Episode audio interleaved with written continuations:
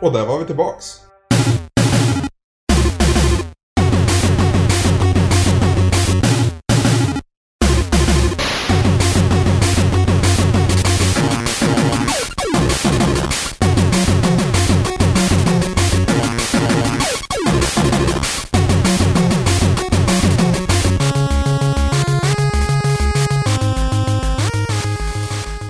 Vi välkommen till Retroresan, säsong nummer två. Jag som pratar nu, jag heter Samson och med mig har jag som alltid... Anders Brunlöv. I Malmö. I Malmö! I Malmö. Det är helt otroligt, du lyckades ta dig ner till slut. Efter mycket om och men. Eh, ja, det har varit en lång sommar, känns det. Väldigt lång. Det har hänt väldigt mycket. Oh ja, tänkte vi skulle gå in på det lite grann. Ska vi nämna lite hur vi har tänkt lägga upp dagens program? Först och främst tycker jag vi ska nämna att inspelningskvaliteten på det här avsnittet kan faktiskt svaja lite. Kan svara lite, ja. Men! Vi vet att det inte kommer bugga ur som det gjorde det senaste. Nej, precis. Vi kommer, vi kommer få hela avsnittet, det kanske bara låter jävligt illa. Ja, men då kan det bara bli bättre. Så vi kör så här. Ja, helt enkelt. Hur har Med- vi lagt upp det Samson? Vet du det? Vi kommer börja. Vi, vi, kan säga, vi kan säga så här också att vi började spekulera ungefär 20 minuter sedan vad det här avsnittet ska handla om, mer eller mindre. Vi är så seriösa. Ja. Eh, kort förklarat, vi kommer börja med att vi pratar lite om sommaren som har gått. Vad Ja. har vi sysslat med och varför gjorde vi det? Mm. Gud. Mm. Eh, sen så vill vi prata lite om... ehm, ja, vad ska man kalla det? Vad är det? Retronyheter vi in? Våra intryck med, med våra intressen i åtanke. Kan man säga så? Ja, jo, okej. Förstår du vad jag menar? Våra intryck med våra intressen och åtanke. Ni kommer förstå när vi kommer dit. Det var väl kanske inte världens smidigaste titel kanske. Ska tilläggas att precis som förra gången så sitter vi och dricker. I mitt fall så är det en kanadensisk whisky som heter Lord Calvert. Och du dricker en eh, rävgiftsgrogg bestående av... Jäger. Och budgetenergidryck. Ja. Ja. Och så toppar du det med lite cider också. ja. Lite nedskörligare. Det är, det är lite alkis. Är det alkis med cider? Ja, Men det är alkis att du har en grogg som du sen sköljer ner. Ja, men det, det är bara för att få variation på smaklöken. Ja, okej, okej. Ja. Sitter jag och dricker ren sprit och så är det alkis.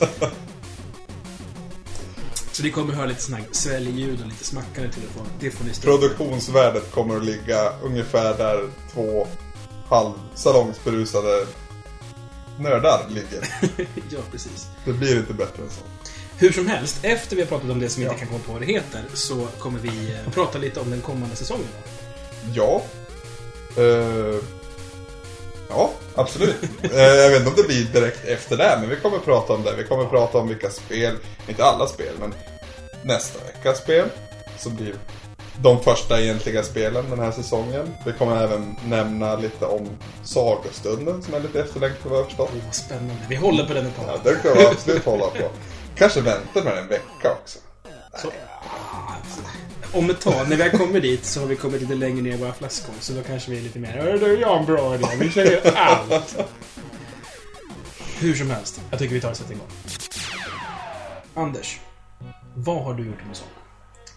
Eh, jag har flyttat, det är väl den största headlinen. Och det visste vi ju faktiskt. Det var det, si- det, var det sista avsnittet på säsongen berättade jag att jag skulle flytta till Borås. Och det har jag gjort.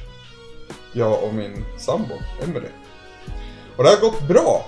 Det har gått förvånansvärt bra. Vi hittade en bra lägenhet till bra pris, i bra område. Det enda som gick sönder var egentligen sängen. Och hur gick den sönder? Ehm, under sexuella sammanhang kan vi säga. Okej, vad vad fräckt det var. Som bara sa det rakt ut. Ja, jag tänkte det skulle vara lite snajdig. Jag är inte så snajdig. Nej, framförallt inte när promillehalten börjar stiga.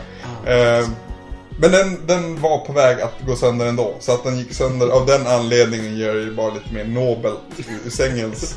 Du har verkligen förbrukat sängen. Ja, precis. Sen är det, ja, annars har det gått jävligt bra. Jag har fått mycket bra hjälp också av en kär Retroresan-lyssnare. Kan lika gärna göra en shoutout på en gång. Ja? Tobias Andersson i Borås. Sjöbo Borås till och med. Ett, Som- ett stenkast från där jag bor. Som på sajten kallar sig för. Ja, vad är det nu då? Belajal. Ja, svårt. Killen som hade fotat de mystiska pizzorna i Kina. Chokladpizzakillen. Ja, precis. Belayal. Polare med Nidde, som. Mm. Nidde i Göteborg, som vi också har jobbat med förut. Jag har redan hunnit med en UFC-kväll där faktiskt. Det var Ja, väldigt vad trevligt. Vi är bjudna på någon slags eh, kryssning med honom också. Ja, någonstans där i november. Ja. Eh, mer än så vet jag väl egentligen inte. Nej, jag, jag får sms till och från så här. Du, nu är det du som bokar plats i schemat. Nu ska vi på transkryssning. Och jag försöker väl lite artigt säga så här. Alltså, trans är inte min grej. Alltså. Inte min heller, men Men han tycker att det är jävligt kul och jag tror att det ligger någonting i det. Så det kan vara värt att testa. absolut. Ja. Ja, sen eh, så har jag kommit till Borås där. Det är ju rätt sent in på sommaren. Innan så har jag jobbat en del och spelat en del. Eh, men det är inte så mycket retrospel jag spelar. Vi ska väl komma in lite mer på det här sen, men det här är mer på det personliga planet. Men du har börjat skriva. Ja, jag har börjat skriva för Skillpoint lite oplanerat sådär. Skillpoint är ett, en sida, eh, en spelsida om... Skillpoint.se kan vi tillägga. Mycket bra Samson. Tack för det. Ehm, ja, det består egentligen av ett, en, en hel hög med folk som en gång förr eller senare har jobbat för Gameplayer. Och nu gör sitt, sitt eget race så att säga. Ja, det startades av gänget som gick när Lars gick från Gameplay. Precis. Chefredaktör är Lars Jensen, tidigare chefredaktör på Gameplayer. Och eh, Johan Eklund, Sofia Hård och Sebastian Magnusson då sitter i redak eller, är redaktörer förutom det. Kärntrion. Precis, eller kvintetten är det väl. Lars. fem. En, det där är Ja, men nu är det någonting med kvar. Inte fem. Kvint 5. Ja. Fan vad jag har sagt fel många gånger, men det brukar väl vara min grej att göra kanske.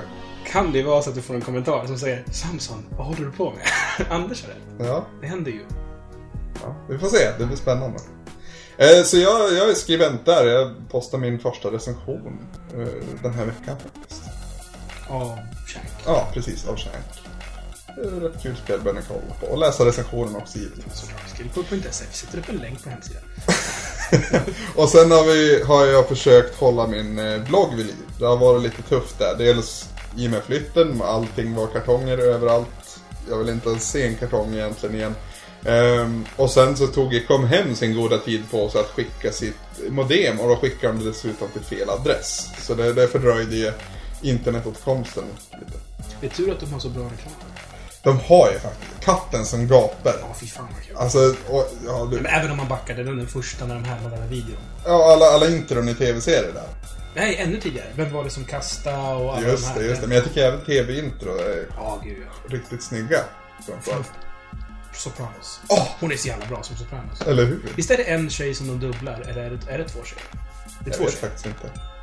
Min flickvän sätter upp ett pismärke som jag tror betyder två tjejer. Det är två tjejer. Det är, är de systrar? Okej. Det är två tjejer som är lite lika. där. Samsons flickvän är för övrigt inte stum, utan vi har bara sagt åt henne att hålla käften. Så. Hon sitter där bredvid och tittar på oss medan vi pratar, vilket är en rätt surrealistisk upplevelse för mig kan jag säga. Men jag tänker, eh, mer grogg borde råda bot på det. Eftersom du inte frågar någon gång så tänker jag, jag berättar helt enkelt vad jag gör. Nej men jag gör inte det. Är det någon som vill veta det? Kör hårt Samson. Ja, ehm, ja, det här är, det, vi brukar få beröm när vi är sentimentala och berättar om tråkigheter. Mm. Och det är då vi är som bäst, när vi mår dåligt. Och jag har haft en jävligt dålig sommar, Mm. faktiskt, kort och gott. Nu drar jag ner på stämningen här, men det får Mm. vi ta. Ehm, Det är svårt att prata om det utan att dra ner stämningen samtidigt. Ja, du kan inte direkt beskylla dig för det. ja. Nej, men sommaren eh, börjar helt normalt, men eh, ungefär mitt i så får jag reda på från CSN, Mm. Centrala studiestödsnämnden, att jag har tjänat för mycket pengar under det sista året jag pluggade och är därför återkravsskyldig 70 000.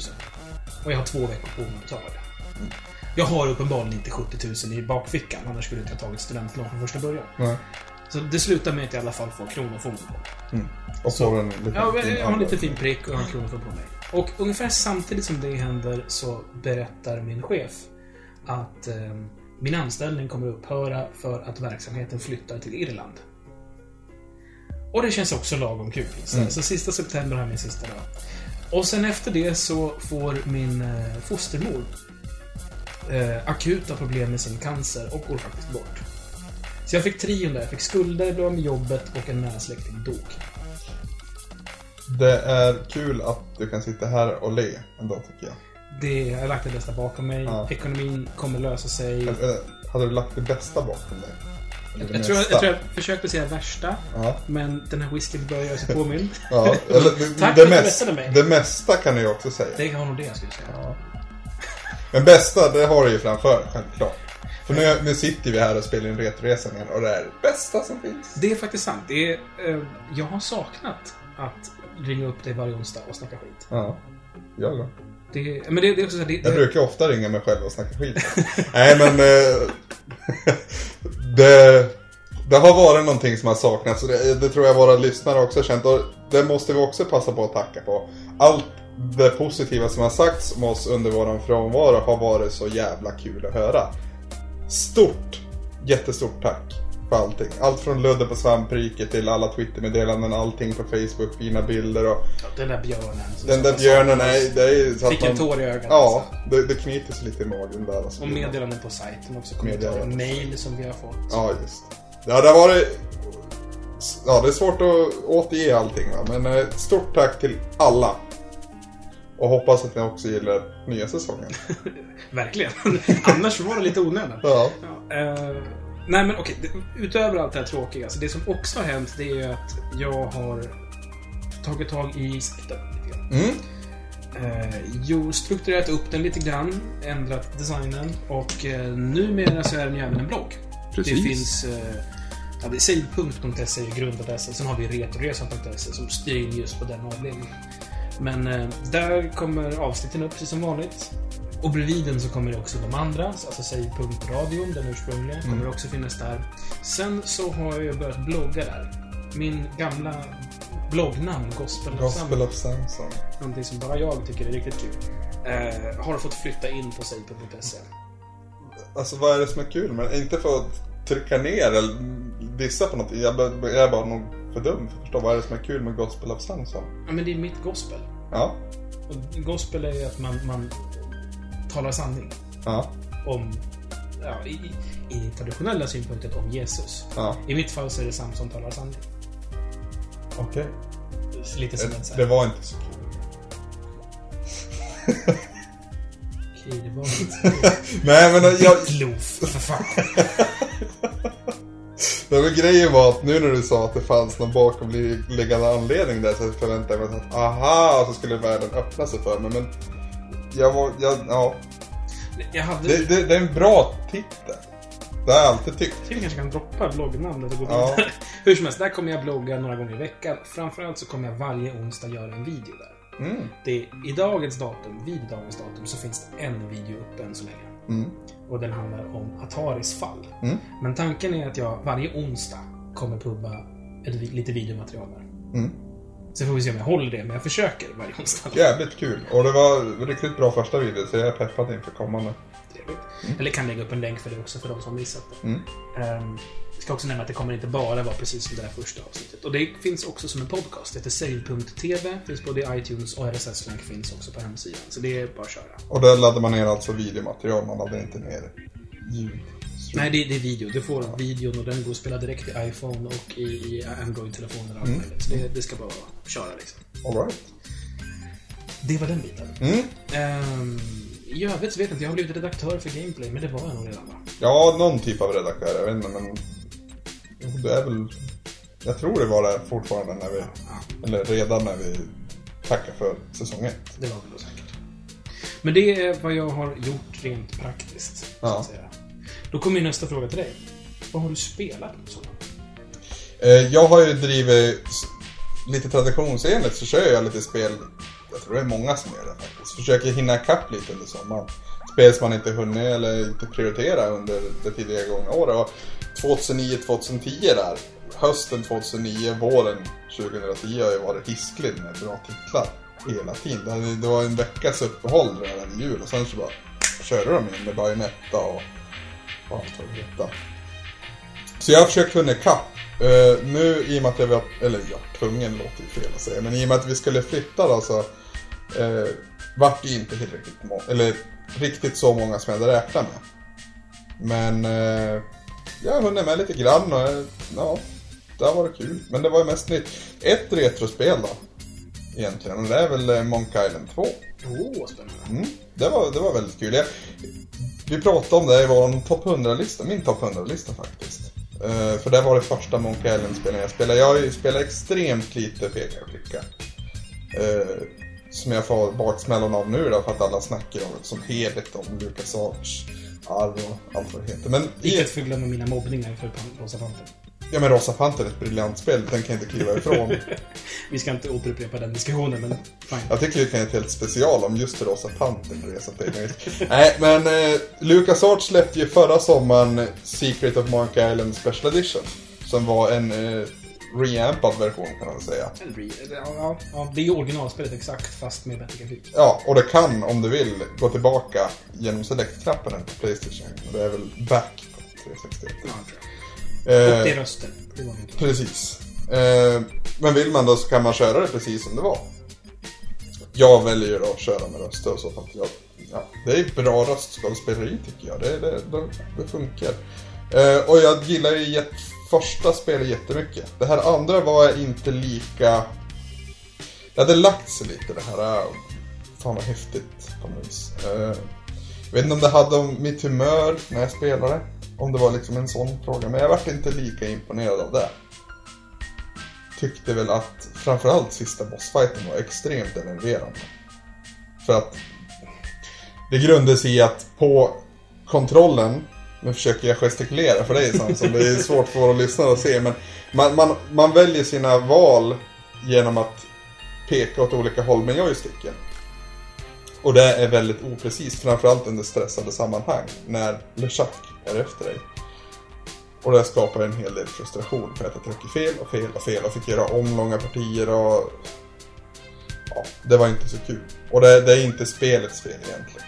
Utan det är ju de som har gjort remaken som inte har gjort det. 100%. Jag kan tänka mig att till PC så är det helt briljant. Det kan ju intyga att det är det. Ja. Jag tyckte inte att det var briljant på grund av det. Men det var fortfarande väldigt kul och jag skulle inte... Jag skulle lätt rekommendera till alla som inte har spelat. Inga piraya-pudlar dock. Det är lite... Det är lite synd. Ja. För det är bland det roligaste jag vet. Men förutom det så har jag inte spelat någon... Alltså jag har ju spelat fler spel men inte som passar att prata om det här programmet skulle jag säga. Det är ju mest nytt då. Det är från 2009 eller till och med 2010 då i vissa fall. Och vill ni läsa om det här så finns ju faktiskt min blogg. Ja, titta. Tydligen fick jag Fick, fick du den också? Ja. När jag fick pusha min blogg så hårt så... ja, precis. Jag måste ju pusha upp den också. Ja, vad gäller mig så har jag inte spelat så mycket nytt. Faktiskt. Jag, jag har tagit lite av en skribentpaus från Gameplayer. Just för att det var lite mycket händelser, så mycket som hände den här sommaren så sa jag att nej men jag, jag tar en liten kort break. Mm. Och eh, istället då för att skriva massa recensionsspelande så har jag faktiskt plockat upp en massa gamla retrospel. Mm. Och eh, jag har mer eller mindre följt det jag sa att jag skulle göra. Så jag har försökt mig på lite i X-serien av Mega Man. Och det är framförallt Mega Man X2 som jag spelar. Mm. Det var det jag fick tag på. kan vi säga. Men det, det är mer av Mega Man X, tycker jag. Mm. Eh, funkar. Inte någon revolution, men det var ju inte X heller. Nej. Eh, men jag tycker... eh, Om, om Mega Man X är som Mega Man 2, så är det här Mega Man 3. Typ. Samma recept fast inte kanske lika bra. Men det är svårt att säga vad som är sämre. Precis, och så finns det vissa som säkert säger att den här är bättre. Ja. Så det var, det var lite den bilden jag fick. Men det, det funkar liksom, det är kul. Mm. Sen så framförallt, något spel som jag verkligen har, har sådär förkovrat mig i. Det är Castlevania Area of Sorrow till Game Mm. Advance. Som i och för sig gränsar också till om det faktiskt är retro eller inte med tanke på att det är en ganska hyfsat ny bärbar konsol. Vi hade väl en, en diskussion om just Game Boy Advance. Och kom fram till att det inte var retro. Ja.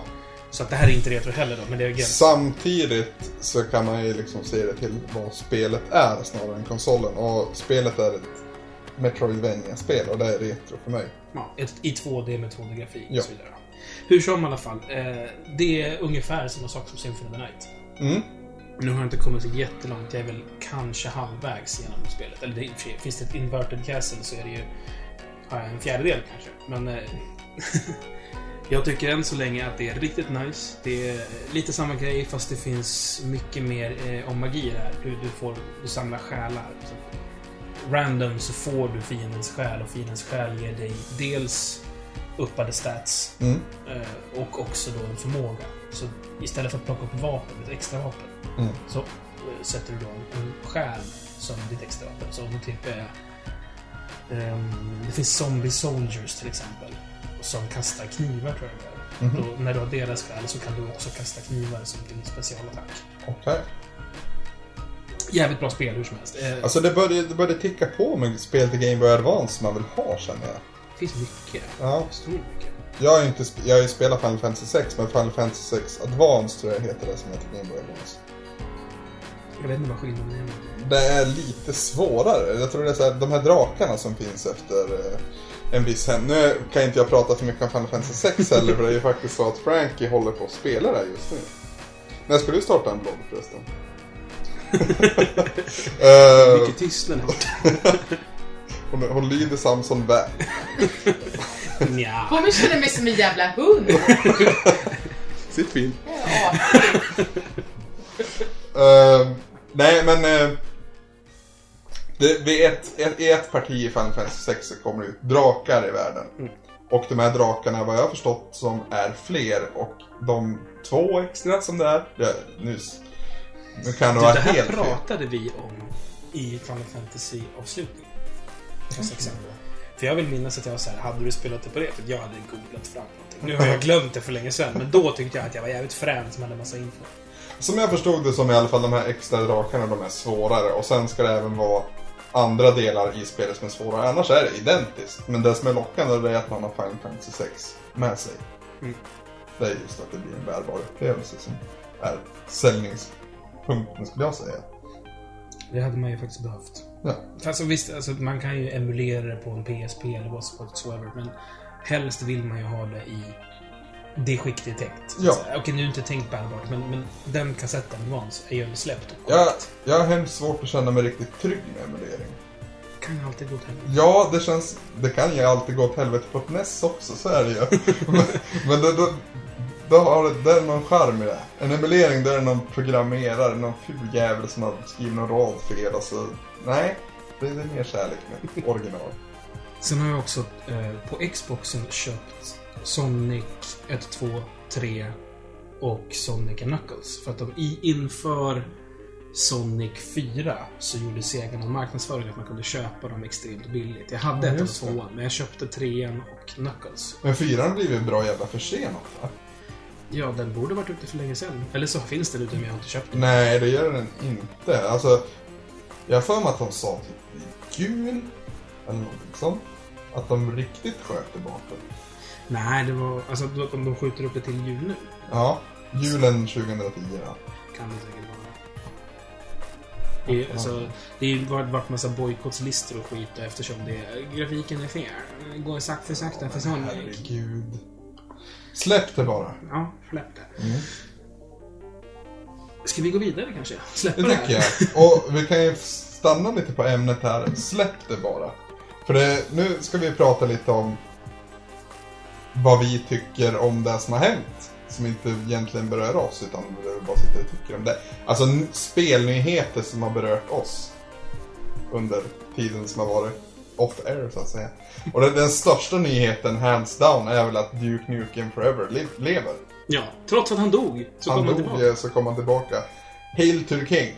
Och allt vad det heter. Och det är Gearbox nu som ska fast, färdigställa och släppa spelet. Alltså, för er som är helt jäkla lost på vad fan vi pratar om. Kort summering. Mm. Duke Nukem 3D var en jättestor hit på 90-talet. Kom typ strax efter Doom 2 och var jättepopulär. Duke Nukem är en skön karaktär och så vidare. Vi har pratat om det här, de flesta som lyssnar vet det här. Både du och jag har det med på våra topp 100-listor. Ja, det tror jag. Ja. Hur som i alla fall. Ganska tätt efter Duke Nukem 3D så sa man på 3D Realms, program, eller företaget som har utvecklat spelet, att vi jobbar på en uppföljare, den heter Duke Nukem Forever, vi kommer släppa det när det är färdigt. Mm. 13 år senare, det vill säga 2000... Det var i år va? Antingen sent förra året eller i år, i Mm. tidigt våras, så eh, gick man ut då från 3D Realms då, George Broussard som, som högsta hönset hette och sa eh, Vi lägger nu ner, vi har inte råd längre. Eh, det var alltså så att THQ som, som eh, äger licensen och, och, och liksom är de som faktiskt äger namnet Duke Nukem Forever. De sa väl åt 3D Realms att nu släpper ni fan spelet eller så slutar vi skicka pengar till er. Mm. Och George Broussard är en, en erkänt obekväm människa att ha att göra med. och han har ju liksom, han är ju en perfektionist.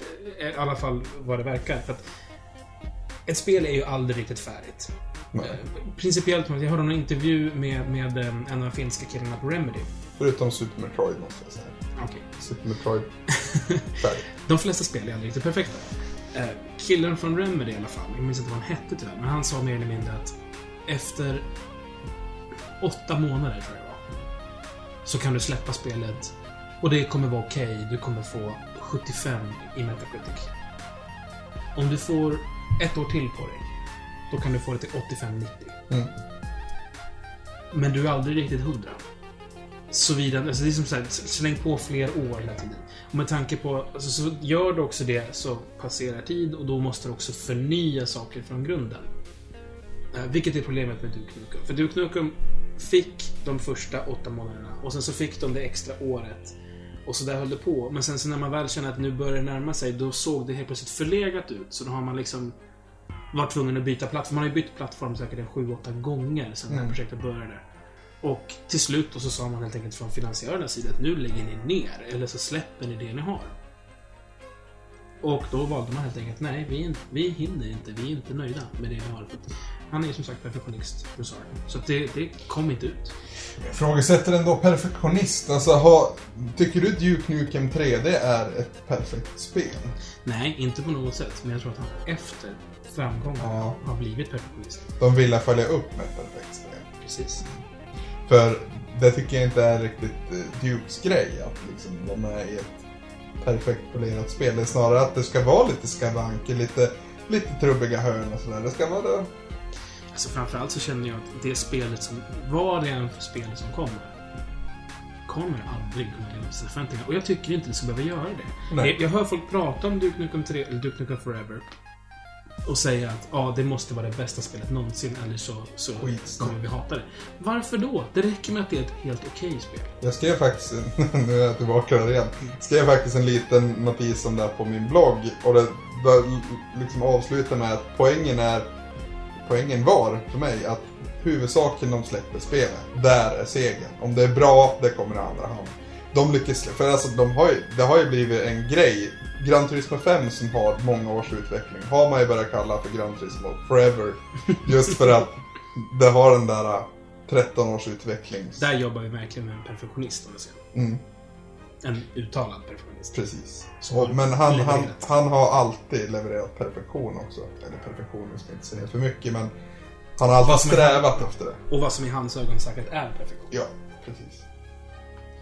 Hur som helst i alla fall, Gearbox tog helt enkelt över. Jag kan tänka mig att det gick till ungefär så här. THQ sa Fuck you 3D Realms, nu tar vi den här licensen och går någon annanstans. Och så gick man till Gearbox, som är typ deras arbetshästar, och säger Ta det här, se till att det går att släppa. Och ungefär sex månader senare så säger de Vi har det, vi kommer släppa det. Tror du att Gearbox sitter på potentialen att göra ett riktigt bra spel av det här? Ja. Det tror jag. Gearbox är kompetenta. Och Borderlands Borderlands, är ett ypperligt exempel. suveränt spel. Inte perfekt på något sätt, men förbannat roligt. Och det är väl det viktigaste ändå. Och det är precis så jag brukar beskriva 3D Eller Duke Nukem 3D. Ja, En annan aspekt av det här som, som har fascinerat mig ett tag, det var faktiskt, det kommer från Bill Packter, du vet han med Pack Attack-snubben mm, mm, mm, analytikerna. Precis. Han eh, på PAX i en panel uttalade sig om det här och, och han använde egentligen Duke Nukem som ett exempel för att förtydliga ett argument. Han pratade om att eh, varför är inte speljournalister speljournalister? Varför är vi en glorifierad faktaruta om en produkt? Alltså det, det är ju mer ett Vi är mer reklam. Ja, det, det, är en glorifierad reklam och det har han många poäng med. Ja. Framförallt svensk spelmedia skulle jag säga. Nej, internationell också. Jag skulle säga så här. Fast internationell, det är amerikansk. Ja, men även... Alltså nu kan inte jag de flesta språk i Europa, men brittisk i alla fall. Det jag har läst därifrån. Är samma sak som Jag är amerikanska. dåligt påläst i och för sig. Men... Hur som i alla fall. Mm. I mediebranschen kring spel, som inte tillverkar utan som rapporterar, så är det extremt lite journalister. Det är en jävla massa skribenter och bloggare, sådana som du och jag. Vi, vi är skribenter. Vi ska inte någonstans... Aldrig gjort någonting journalistiskt. Inte Alltså- överhuvudtaget. Nej, inte, jag har inte grävt någonsin. Jag har på sin höjd här ringt upp någon och ställt några frågor. That's about my limit. Kanske skickat något mail någon gång, men det Ja, är okej. så långt det sträcker sig. Hur som helst i alla fall. Någonting som jag verkligen skulle vilja se. Det är att någon som har lite journalistiska ambitioner kring spel gör ett reportage. Vad hände under de här 13 åren? Från insidan. Mm. För vi kan bara spekulera och det finns väl några intervjuer här och där, men då har det ändå varit i projektet. Nu är det faktiskt slut på Thriller Labs. Mer eller mindre. Alla de som jobbade där jobbar nu på andra ställen och borde kunna uttala sig. Såvida inte de har typ jättetunga NDAs, som det hoppas. För jag skulle så, så jätte, jättegärna Jag skulle betala dyra pengar för att läsa den boken eller pamfletten som beskriver vad hände under de där 13 åren. Mm. Jag tror du är inne på det här. Jag tror det är liksom det som har hänt där som du nämnde tidigare att man har velat göra ett perfekt spel och lagom tills man har gjort ena komponenten färdig så är den andra komponenten förlegad för att utvecklingen kollar man på vart ungefär i tiden Duke Nukem 3D släpptes och sen vart vi är 13 år senare så har det gått extremt fort. Det har det ju alltid gjort inom det här mediet men lagom till den ena ena delen är färdig så är den andra delen förlegad och det blir en ond cirkel av det. Det måste hela tiden börja om. Vi är ju inne på den tredje konsolgenerationen sen Ja. det släpptes. Precis. Om jag räknar alltså PS1, PS2 och PS3. Precis. Och det har ju hänt en hel del. En hel del. Ja. HD till exempel. HD är väl det som man kan beskriva den här generationen som. Jag brukar kalla det för HD-generation. Ja. För det var här det blev HD. Man kan också kalla det för online-generation. för Det är också stort. Online och, och DLC och nedladdningsbara titlar tycker jag. Det tycker jag inte. Alltså när jag säger online så menar inte jag bara multiplayer. Nej, det, det, Hela- går, det hela är inbakat där ja. Hur som helst i alla fall. En annan sak som jag verkligen, nästan som jag vill ha mer än den här boken. den hypotetiska boken om vad som hände. Bildsen. Mm. Ja, alltså Gearbox, om, om jag fick bestämma så skulle de ju släppa först då Duke Nukem Forever. Göra klart spelet och släppa det. Och sen också släppa någon slags samlingsutgåva, någon limited edition, där du får spela alla builds de har. Från den första, som jag tror var Quake 1-motorn, eller Quake 2-motorn. Från den fram till idag. Alla iterationer de har haft. Alltså, det, det, kan få bugga och krascha och hänga sig precis så mycket som helst. Men släng in liksom, du vet, en DOS-emulator måste man ju ha för att få den första biten att fungera. Men, men bara exportera det ni har och bara släpp det. Så den historielektionen. Från, ja, vad blir det, 1990... Kan det vara? 96? Lite... Ja, 96, 97 låter ännu mer. Det här, det här vet våra lyssnare, så att 90, det som ni tänker på. Ja. och framåt. Fatta att få spela, spela liksom den första, den här första trailern, den, den motorn som de har gjort den i. Mm. Vilket jag tror är Quake 2-motorn, inte helt säker. Liksom den bilden och sen bilden efter. För man, man, det, det, det som nu kommer ut via Pax då, här, då de faktiskt har fått testa spelet. Det ser ju ut ungefär som de läckta bilderna som kom lagom till spelet la ner. Ja. Så, så jag kan tänka mig att eh, det, det är väl där liksom ursprung, det, det, det är 3D Realms sista bild man bygger vidare på. Men för att komma dit så måste det ha varit många, många steg på vägen. Undrar hur mycket som har funnits kvar hela vägen. Ja, precis. Det här är därför jag vill ha den här bild, bildordningen. Bild, för er som inte, så att säga, Det är alltså inte en bild som är, som är någonting som, ni ser- fast det är ju någonting som ni ser ändå. Men det är inte en, det är inte en bild som en GIF-bild eller en JPEG-bild. det är en bild som är en byggd... Eh, det är ett programmeringsspråk för att man... När man har gjort någonting så har man gjort en bild när man exporterar den så att man kan liksom testa det och köra Mm. det. om ni har varit med en beta någon gång så brukar det ofta stå också någonstans på skärmen. Bild och så... Ja, version. Ja, precis. Gud vad onödigt att prata om det här. Ja. Hur som helst i alla fall. Duke Nukem Forever. Jag dels vill att det kommer ut, såklart. Men jag vill framförallt se resan dit. Det är nästan mer intressant. Ja, du vet, målet är ingenting va? ja, det där såg jag inte. Nej, inte jag heller. Det bara kom. Ja, klockrent. Ja, det är i alla fall Duke Nukem Forever. Mm. Jättekul. Jättespännande. Mm. Annat så halvretro som jag skulle prata om, det är... Eh, eh, vad heter det nu då? I serietidning som nyligen blivit film. Kille som ska spöa pojkvänner. Scott Pilgrim. Scott Pilgrim vs. The World. Precis. Min fina engelska fick träda in där. Framförallt när jag har lite jäger skjortan. Väldigt fin retro-kärleksförklaring. Nedladdningsbart spel. PC, PSN och Xbox 360. Precis. Och vi pratade om... Får hjälpa mig Samson. Eh, när vi pratade om Metal Slug 3 Mm. så pratade vi om att de var suveräna på att pixla världar och grafik rent allmänt. Det här är inte sämre alltså. Det här håller ungefär samma klass, ja. Och sen har man ju dessutom ett suveränt soundtrack från Anna Managuchi, som jag lärt mig säga. ja. Ett av våra favoritband. Ja. Vi spelar upp mycket musik. Har blivit lite trött på dem dock. Har du? Ja, Ja, för mig har de växt. Jag vet inte vad det är. Jag, jag hittade en annan favorit som jag tänker hålla lite in till hjärta än så länge. Det kanske blir musikpaus. Kanske blir det. Kanske även dyker upp i andra projekt. Sa han och blinkade lite finurligt. Nej, det, det är oklart än, men... eh, det, det är ett suveränt band. Det, det jag kan tycka är att det blir lite väl maxat ibland. Det är alltid 120 blås med Anna Managuchi. Det finns Jo, ingen... du ska ju en låt i taget. Ja, och det var väl just i Scott Pilgrim vs. The World. För där är det ju de som har skrivit hela soundtracket. Så blir det lite... Det blir lite kaka på kaka. Och det blir lite fullt ös hela tiden. Det blir ingen eh, vilopaus. Man är nästan andfådd efter ett par, tre banor. Om man ska det rent på musikens sida i alla fall. Men de var väl också de som gjorde Big Trip Runner också? eller? Ja, fast där var det, alltså... Nu, nu har jag faktiskt fakta på det här, för det här har vi pratat om förr. Jag tror det var när vi var med i Radio Speltorsk faktiskt. Mm.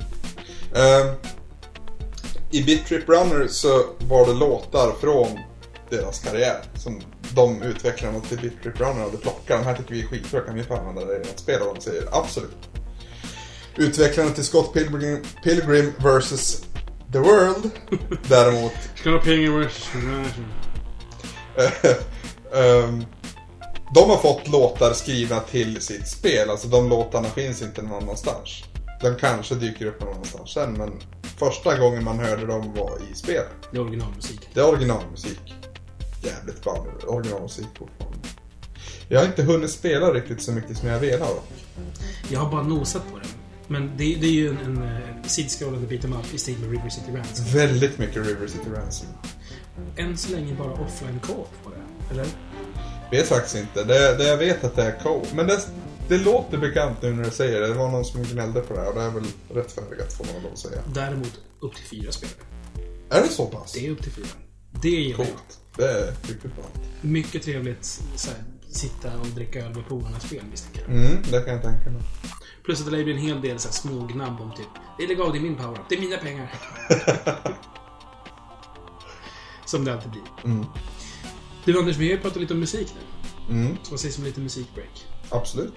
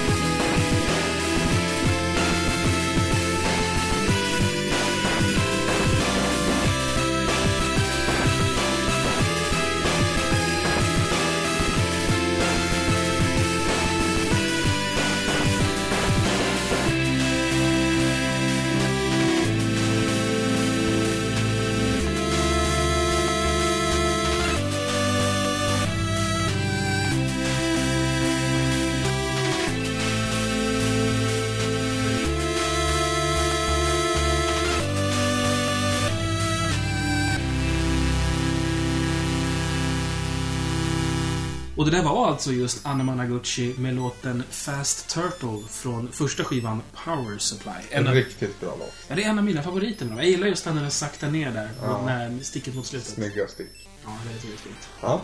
Nog om musik. Eh, för en liten stund sedan så twittrade vi, du och jag. Ja, vi har ju haft lite så här, vad fan ska det här avsnittet handla om egentligen? Vi visste att det skulle vara ett välkommen till Malmö, jag har tagit mig till Malmö. Sen var det slut på idéer. Ja. Egentligen, så då vänder vi, er, vänder vi oss till er. Ja. Och frågar helt enkelt, vad vill ni att vi pratar om? Och eh, vi tar helt enkelt och betar av eh, det som har sagts. Ja. Och först ut är Daxter, Ja. som säger Super Contra. Varför inte? Ett av världens bästa kortspel, måste jag säga. Ja, Jag har inte spelat tillräckligt får man väl säga. Alltså jag vill spela mer men jag har liksom inte hittat tillfälle och tid riktigt för det.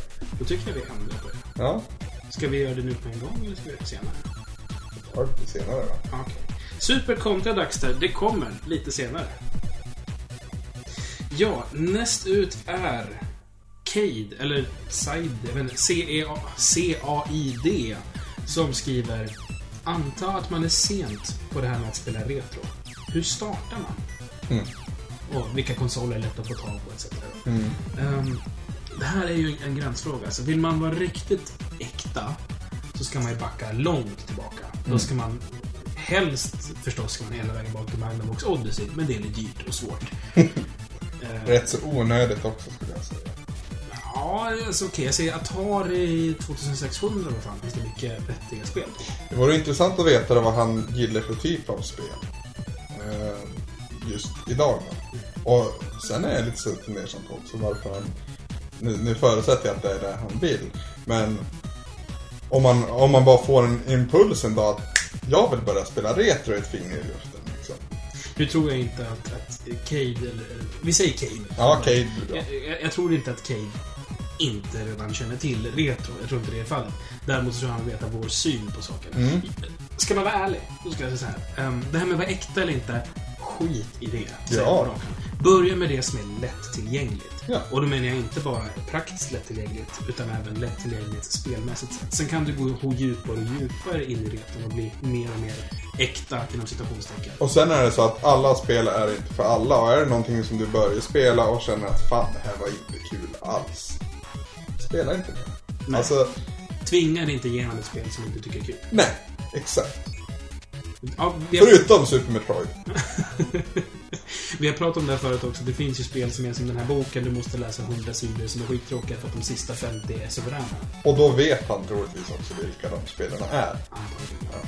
Vi kan i och för sig gå igenom några sådana också, men jag tänkte om man ska vara praktisk och realistisk så säger jag Börja med Super Nintendo. Ja. Pr- Praktiskt kanske inte, det, det kan vara lite bökigt att få tag på. Men de, de, det såldes en enorm mängd med Super Nintendo, så det lär ju finnas begagnade att få tag på.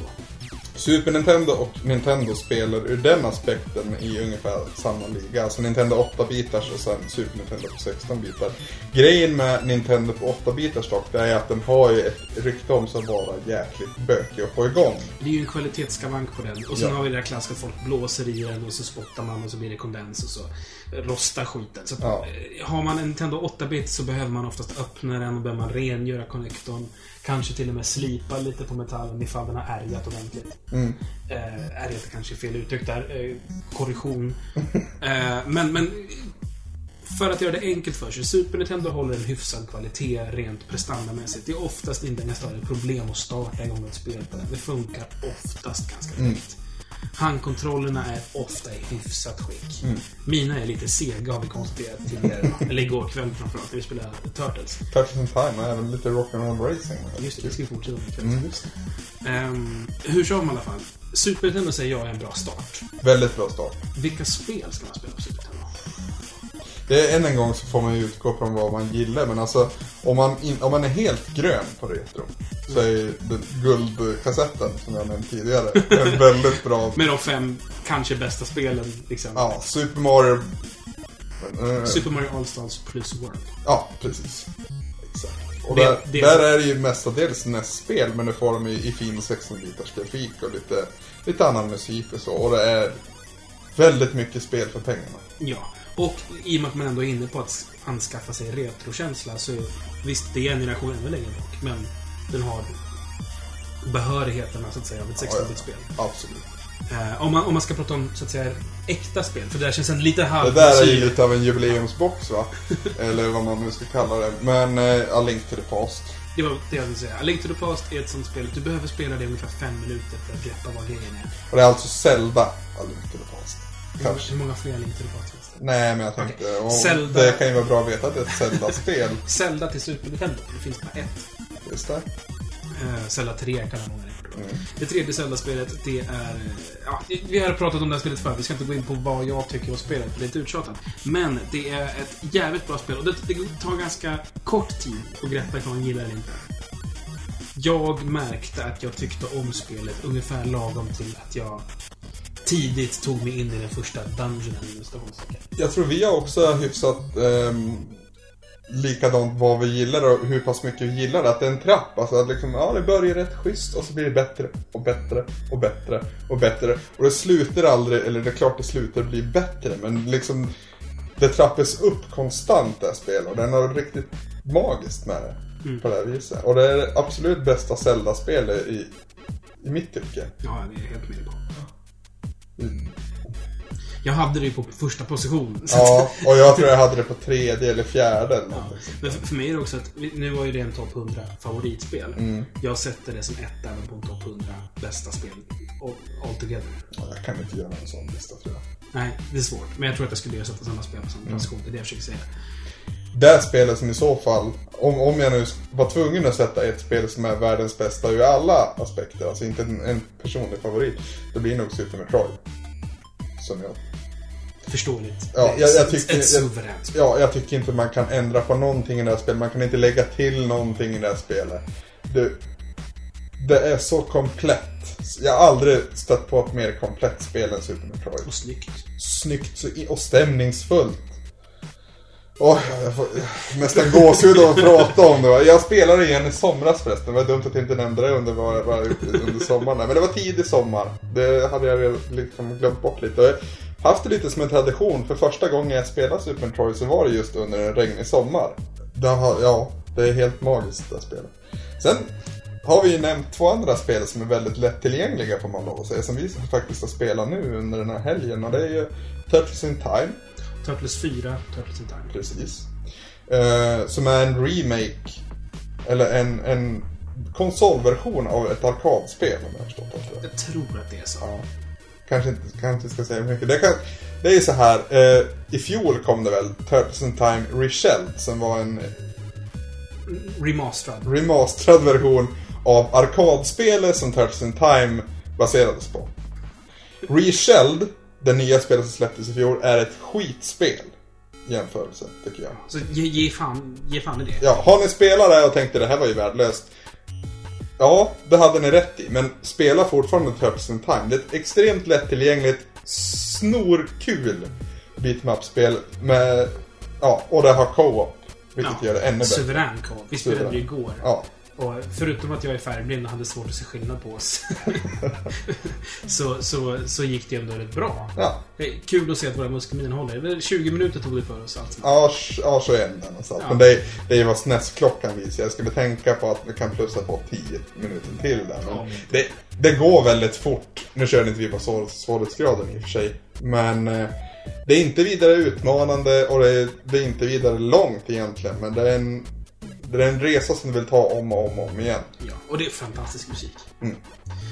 Eh, utöver det så spelade vi ett annat spel med fantastisk musik. Ja, som har titeln Rock'n'Roll Racing. Av Silicon and Synapse, numera kända som Blizzard. Eller, ja, Blizzard heter fortfarande. Activision Blizzard. Ja, fast det är väl utgivaren. Ja, Utgivaren är fortfarande Activision. Activision Blizzard är själva superföretaget som har avdelningen Så Activision och Blizzard. i Activision har lyckats stämpla sitt namn även på Blizzard. Vill man vara riktigt teknisk så är Vivendi de som är eh, superägarna. Längst bak. Vivendi köpte Activision, lät Activision behålla namnet. Okej. Jag förstår. Ungefär. Vilket fall som helst. Silicon and Synapse var i tiden innan Warcraft. Och framförallt World of Warcraft. Det var tiden då eh, Blizzard, säger vi då, gjorde vanliga spel, kan man säga så. spel som man inte behövde ägna hela sitt liv åt. Eh, de, Lost Vikings har ju vi spelat. Mm, det är samtiden med det här spelet. Mm. En av karaktärerna på Lost Vikings är en gömd karaktär i det här spelet. Precis. Olaf, tror jag. Ja, stämmer mycket väl. Det är alltså ett racingspel med rockmusik som soundtrack. Eh, Isometriskt perspektiv, ja, uppgraderbara vapen, massor med olika världar, eh, flera ligor man spelar i för att ta sig upp till nästa liga, nästa planet och så vidare. och du kan uppgradera sakteliga också din bil, du köper nya bilar. Och det har ju även en co-op-kampanj i det här, alltså det är ju liksom inbakat i spelet. Du kan spela det själv, hela spelet. Du kan även låta en kompis köra en annan bil och det blir exakt samma sak förutom att det blir mycket roligare då. Mm. Som igår när vi satt och väntade på varandra med mållinjen på att skjuta varandra. Det är liksom... Ja, jag fick in några bra träffar med din missil. Ja. Du, du, ja. du, det, det var så fin balans där, för att jag satsade på missiler, du satsade på armor. Ja, armor och boost Armor och boost. Din teknik var att ta dig fram så långt att du är en kurva före Ja. mig så att jag inte kan distansskjuta dig. För det, det, det, det som är fint med det här spelet också att det har ingen rubberband-funktion. Utan Ingen alls. du kan, inte med lätthet ska jag säga, men det är inte ovanligt att du varvar dina motståndare om de har ett tufft lopp och du får en liten lucka från, från täten som man säger. Och det, där istället då, om man ska se kontra Turtles in Time, så är ju Rock'n'Roll Racing väldigt mycket spel för pengarna. Så Mycket. du kan lägga mycket tid i det. Och det blir utmanande på Veteran till det svåraste. Måste, tycker jag i alla fall. Men sen också, det, det är 16 lopp per planet och det är 16 planeter. Du behöver i och för sig inte köra alla 16 lopp, men du vill göra det för att få ihop cashen och poängen så att du kan dels ta, nästa, ta till nästa division och sen också uppgradera din bil. Mm. Framförallt uppgradera din bil är det. Och köpa mer bilar. Och lagom tills du har en riktigt grym bil, då måste du köpa en ny bil för att planeten du kommer till har lite Aspekter. attribut, tänkte jag säga. Men ja, som, eh, som ja, kräver lite. Kort sagt, ett jävligt bra co-op-spel. Nu har vi fått om två co-op-spel och ett sing två single play-spel. Mm. Ehm, det, ja, det är hyfsat bra blandning av genrer. Jag känner oss nöjda med att det här är en bra startpunkt. Jag skulle vilja nämna fem spel. Det känns, fyra känns ju lite... Jag tror du tänkte så här. Om du har ett femte spel, ja. Om du bara vill ha fem för att det är en fin siffra, nej. Jag har ju personliga favoriter bara nu när jag tänker efter. Och det roliga är ett, ett, en, nu- säger jag det här som en bubblare. Det är inte min absolut favoritplats. Det är också Silicon and Synapse Blackhawk. Ja, den är fin. Tycker jag är ett tidlöst spel också. Det funkar lika bra. Jag tycker Another World är bättre. Ja, jag har inte spelat annorlunda. Det är samma genre fast vassare spel. Ja, det, det, vad kan man säga snabbt om Blackhawk? Det är ett tid, eh, om ni kommer ihåg, nu är det osannolikt att den personen som vi svarar till gör det, men Prince of Persia innan det blev 3D. Fast med en shotgun och eh, massa orks som är bad guys. Alltså kort förklarat kan man säga att det är ett sidskrollande actionäventyr med pussellösningar, lite backtracking.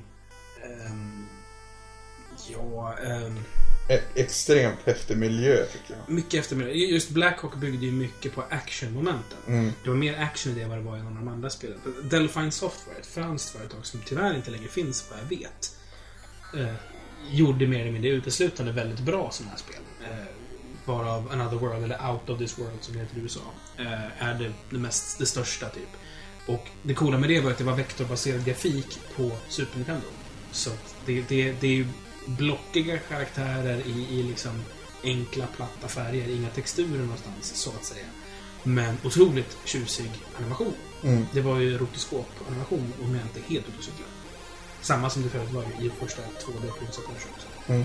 Sen så kom Flashback som var en vidareutveckling på samma koncept. Dock inte riktigt lika bra. Mm. Tycker jag. Snyggare. Mycket snyggare. Flashback, är det där spelet som Heidi Kojima talar så varmt om? Det kan det vara. Det Eller så är det Another World. Jag. Another World är konstigare. Men det låter ju som Heidi Kojimas cup of tea så att Ja, säga. det är därför sånt händer. F- Flashback har också en 3D-uppföljare som heter Fade to Black. Så är det. Fade to Black är med på min topp 100-lista. Ja, det är ett, jag minns det som ett av de riktigt, eller ett av de första riktigt svåra spelen. Ett Playstation-spel va? Playstation 1 och PC. Mm. Just det. Kanske Saturn också. Suveränt spel som jag faktiskt har i hyllan. Skulle Mm. kanske en titt på det sen om vill. Mm, kanske det. Vilket i och för sig är att jag måste gräva fram min Playstation. som inte riktigt vet var den ligger. Men alltså det finns jättemycket SNES-titlar om man börjar. Street Fighter 2. Mario Kart. Ja, Herregud. Mario Kart, herregud. Det, sam, sa, samla några kompisar och köra Mario Kart en hel kväll. Ni har en blast, som man säger om man använder Köra det. battle mode. Eller? Nu tycker jag att Mario Kart 64 är den definitiva versionen, men Inte av battle mode. kanske. Jag tycker inte. Alltså, 64 är, är, är mm, roligare bandesign, för eftersom det är 3D. Mm. Eh, Fast jag tycker att det roligaste med Mario 64, tycker jag, det är att det är så lätt att bryta fysikmotorn. Det är väldigt trasigt. Ja, det är trasigt som fan. Krockar du på rätt sätt i en vägg så hoppar du över väggen. Ja. Till exempel. Och det leder till att man kan fuska ganska mycket. Sen kan vi inte heller nämna Super Nintendo utan att nämna Final Fantasy. Del 4, och 5 och 6 då, som släpptes på, på konsolen. Jag skulle säga det att om man inte har vanan bakom sig och bara vill ta ett och säga jag vill ha gräddan. Kör sexan. Fast, ja. Ja, men det är så här. Du hade flytet att du fick börja med fyran och, och hade som ett uppdrag att du skulle spela klart fyran. Men jag kände mig aldrig som att jag liksom gjorde en... Vad säger man? Att det var jobbigt att spela 4. Men tror du inte det delvis beror på att du har ett retrointresse i att vi gör den här podcasten och att vi från början liksom... Du startade Retroresan som en blogg av en anledning. Mm. Jo. Men Om vi säger så här då. Om, om du känner att Final Fantasy låter spännande. Det är alltså eh, definitionen av rollspel som, som vi känner. alla fall. Japanska. Japanska rollspel, precis. Om du känner att det låter jävligt intressant så gör du själv en tjänst och börja med fyran. Eh, om du mest vill pröva på och se vad alla snackar om, Final Fantasy 6. Eller så tar du det helt enkelt där som det är enklast, billigast att få tag i. Vilket borde vara sexan. Ja, det känns som det. Men jag tror ju att du kommer inte få samma svung av fyran om du spelar sexan först i och med att sexan är på alla sätt och vis ett bättre spel. Om man vill göra det så, ja. Ja. Jag ser en, en filur där borta på väggen förresten som vi inte har pratat om än och det är ju mot våra regler att inte göra det. Megaman fanns ju faktiskt även på Super Nintendo i X-version kan man säga. Och sjuan. Ja, men den nämner jag inte. Glöm bort sjuan. Där ska ni inte spela. Mega Man 7, no, no, no. Mega Man X däremot kan jag Yes, inte... yes. yes, yes, yes. Vi kan också hänvisa till vårt tidigare avsnitt om Precis. Mega Man X. Så, Precis. så, Kebabpizza var det va? minns inte exakt, men säkert. Just det. Jag kan sitta och prata Super Nintendo länge som du kanske Jag tänkte vi kanske skulle sprida oss, men nu pratar vi ganska mycket om Super Nintendo-spel. Så i- Ja, just det. det var... vi, vi, nu håller vi oss i och för sig väldigt länge på, på Cades fråga, men jag tänkte det kan vara värt att göra det. Det är en jävligt bra fråga måste jag säga också. Ja. Um, bärbart så tycker jag att ett annat bra ställe att gå vidare till efter Super Nintendo. Om man gillar Super Nintendo och vill ha det lite flashigare så är Game Boy Advance en väldigt bra fortsättning. Om man vill gå framåt i tiden. Det är väl ungefär samma prestanda det får. Ja, fast det är 32-bits. Det är så. Mm, det är 2-bits, men det är bara just det. 2D-baserat. Just det. Eh, där finns det en helt uppsjö med fantastiska spel. Metroid Fusion till exempel. Aria of Sorrow som jag nämnde tidigare. Ehm, det är i och för sig framåt och det är, det på gränsen till retro. Så vi tycker om vi vänder klockan och går bakåt istället. Mm. Jag skulle gärna mellanlanda i Mega Drive. Mm. Segas Mega Drive. Mega Drive är väldigt intressant. Det har framförallt vi upptäckt. Och nu under Retroresans första säsong där att mycket man har missat därifrån som var jävligt intressant. Mm. Sparkster. Sparkster, absolut. Hänvisa Första- till vårt avsnitt om Sparkster Ja. förstås. Och det kan väl tänkas lite dumt att hänvisa till vårt absolut första avsnitt, men vi gör det ändå. Rystar. Vårt näst första avsnitt. Vårt absolut första, då, då presenterar vi bara att vi ska spela Rise Ja, vi tar lite första intryck också. Ja, kanske. Man, man kan se det som så att vårt första avsnitt var upphugget i två delar. Vi tänkte köra så från början och vi sket i det efter ett avsnitt. Ja. Egentligen. Eh, Rystar. Sen finns det ju många spel på Mega Drive som man kanske bör undvika också, men nu var ju inte det frågan riktigt. Sonic the Sonic. Hedgehog 1 och 2 spelar de. Och tre. Gärna 3 också. 1 och 2 är, är suveräna, 3 är lite sämre. Jag tycker ettan är sämst av den trilogin. Trean är näst bäst och tvåan är bäst. Not, Sonic and Knuckles bakar in i samma klunga för de kommer samtidigt. Mm. Um, en Mega Drive eller Genesis är ju inte heller så jättesvår att få tag på. Inte heller Super Nintendo. Vill man bli lite mer obskyr så har vi Mega CD. Mm. Där det egentligen är två spel jag vill rekommendera. Sonic CD. Ja. Och den andra kan jag låta dig berätta. Är det Snatcher du tänker på? Ja, jag har inte spelat det. Men jag, jag litar på dig att det är så pass bra. Det du är riktigt jävla häftigt. Framförallt om du, som jag då, gillar Hideo Kojimas humor. För det är mycket humor och mycket, mycket underligt som bara funkar. Det, det, det är egentligen inte humor heller, utan det, det är bara patetiskt egentligen. Men det, han har ett sätt att lägga fram saker som blir väldigt, väldigt roligt fast det, om man tar ut det ur sammanhanget inte är så roligt alls. Du skulle aldrig kunna berätta ett sånt skämt för din pappa till exempel. I alla fall inte min pappa. Men Snatcher är en riktig kioskvältare i min bok. Alltså, det var ett av de första spelen jag spelade i Retroresans bloggform. Och ja, riktigt jäkla häftigt spel. Men det är böket som fan att få tag i Sega CD och spelen till det också. Och där, där börjar man lägga på några hundralappar på priset direkt. En annan bra aspekt om man vill börja spela retro det är ju faktiskt att ta Eh, om du inte har ett Nintendo Wii så får man ju se till att köpa ett. Men har du ett Nintendo Wii så har du ju faktiskt en Virtual Console där, där du har tillgång till väldigt många spel. Väldigt många bra spel. Kanske någon, någon krona för dyrt där men du har Nintendo, du har Master System, du har Sega Mega Drive, du har Super Nintendo och Nintendo 64. Du har sån bred katalog nu så att Vad är det som saknas? Neo Geo? Finns det? ja, Playstation finns inte heller. Ja, men obviously. Ja, självklart. Men alltså... Neo, Neo Geo finns. Ja, Väldigt få titlar dock. ja men inte du spel... Nej, det var... Nej, du spelade ju samlingsutgåvan. Mm. Jag tänkte på Metal Slug. Men jag tror det finns även att ladda ner. Kan det göra? Jag har ju inget Wii så jag kan Jag tror det kom samtidigt som det kom till 360. Ja, just det. Ja, det, är också, det finns ju mycket retrospel att ladda ner även på Playstation och Xbox. Mm. Och även på Steam. Steam, ja herregud. Vi har inte pratat någonting om PC. Nej. Vilket är jättedumt, för på PC finns det en hel uppsjö av fantastiska spel också. Som med halvolagliga medel går att få tag på. Om man pratar om abandonware, vilket är egentligen juridiskt självklart olagligt, men, men moraliskt en, en gråzon. I och med att Mm. det är spel som inte längre säljs eller går att få tag på på något sätt. Precis. Man kan säga som att utvecklarna får inte längre pengar av att du lägger pengar på det. Nej, men ofta så går spelet inte ens att köpa. Så spel som inte finns på Good Old Games eller, eller Gamersgate eller någon av de här online-tjänsterna som är ganska bra på att ta upp old school-spel. Där kan man ju rekommendera, vi har ju nämnt Monkey Island, Mm. 1 och 2 och 3 skulle jag till och med lägga till. Ja, du gillar trean Jag mest gillar- här. Ja, trean är min favoritserie. Ja. Inte för att de alla är dåliga på något sätt. Nej. Eh, Sam Max, samma genre. Men eh, jag vill lyfta fram ett spel, jag tror att det är 3D Realms som gjort det faktiskt, som heter Raptor. Mhm. Som är ett helt suveränt eh, bullet hell shooter. All right. Som är riktigt, riktigt bra.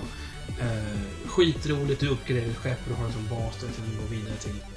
Ehm, och det, det gör sig fantastiskt bra också i PC. Det, det här är ju 2D-PC, typ Windows 95 var nytt. Den tiden. Mm. Härligt till. Och i samma, samma veva så Tyrian finns det också ett spel som heter. Mm. Ehm, som jag inte kommer vilka som är Men Tyrion är nästan snäppet vassare. Och Tyrion har också en julmode. Så spelar du det på julafton så är eh, alla fiender julgranar och alla skott är. Vilket jag tycker är väldigt sött. Ändå... Ja, det beror på lite, ja. Jag är lite skavd inför det med PC.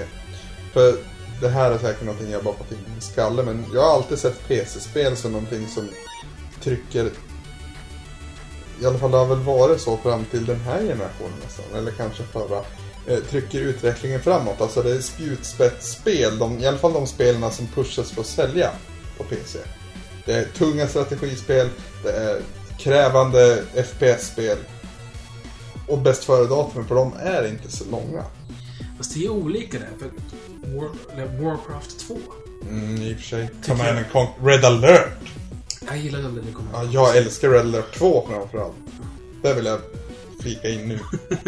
Command and Conquer, Red alert 2, USA mot Ryssland, helt klockrent. Uh, FMV-sekvenser som är... Som är lite cheesy. Ja, Eh, apropå FMV-sekvenser. Jag är jävligt svag för Under the Killing Moon. som är det riktigt sunkigt FMV-detektivspel. Men jag tycker det är skitkul. Går runt som Tex Murphy och drar dåliga one-liners i en detektiv trenchcoat. Så här. Ja. Sen gillar ju du även MDK. Jag var inte MDK gillade jag. MDK 2 har jag spelat också. Och det var mycket bättre. Det är utvecklat av Bioware. Jaha, oj. Så Bioware är ju... Inte för att Shiny på något sätt är dåliga, men Bioware kanske lite vassare va? Ja, de... eh, Ja, Apropå Shiny, Earthworm Jim för helvete. just det. om vi backar tillbaka till Super Nintendo och Mega Drive. Jag ser det här som ett Mega Drive-spel. Det kom väl först till Mega Drive? Ja, arkad. Eller Mega Drive. Det, det är bäst på Mega Drive tror jag. För att Mega Drive är lite vassare rent eh, processormässigt. Ja.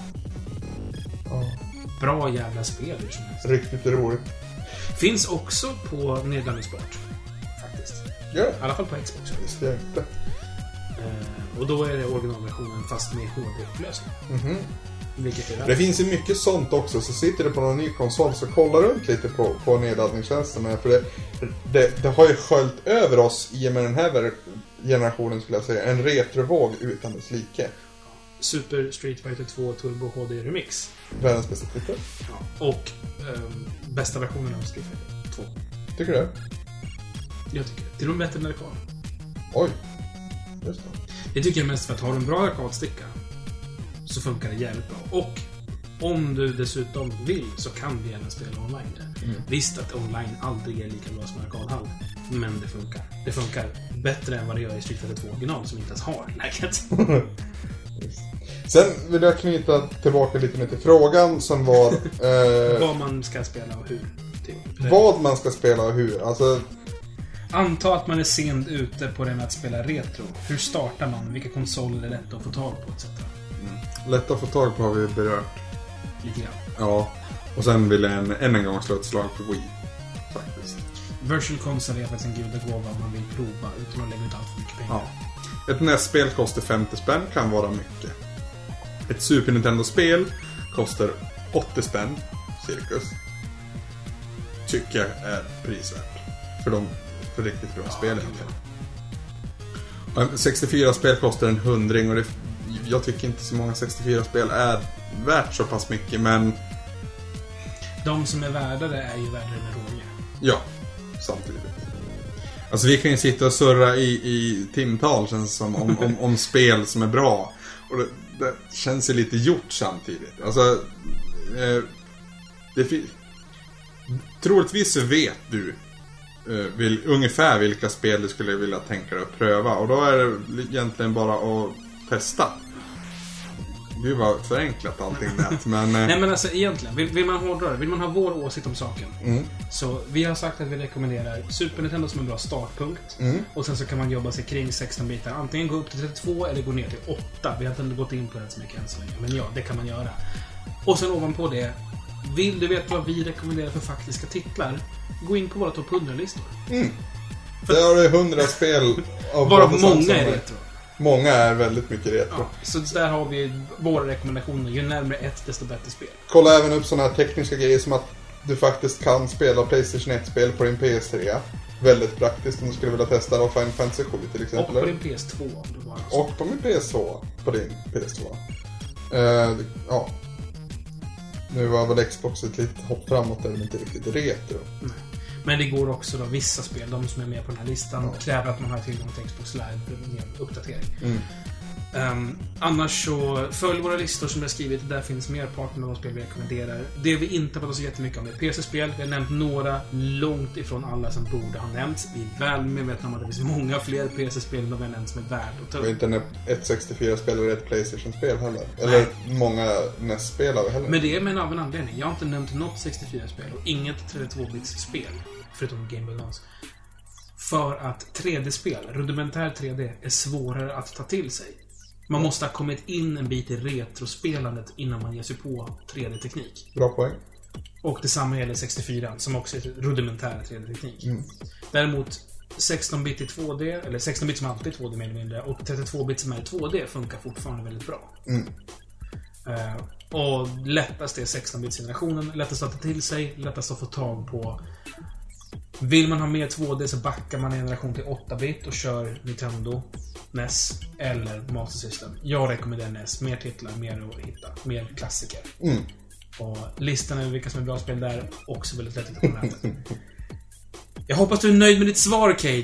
Det, det, var, det var rätt långt. Det har var något långt och det ganska var- svamlande och misstänkligen har vi druckit mer än vad vi tror. Vi kan gå vidare på nästa eh, fråga som har kommit in. Ja, Eh, och det är Nidde som frågar vad har ni gjort under pausen, alltså sommaren? Det har vi ju svarat på. Så det, det har vi ju faktiskt. så det, ja, backa lite så hör du det. Eh, Men Nidde frågar också vad ser ni fram emot under nästa säsong utöver spelen, det vill säga? Ja, det är just spelen jag tänkte säga. Ja, men nu var han smart vet du. Ja, han tänkte till där. en- Nidde är klokare än vad du och jag är helt enkelt. Eh, det, det nämnde vi väl också lite som snabbt där, men att få den här kontinuiteten som vi faktiskt har tvingat på oss själva. Att vi, vi snackar varje vecka.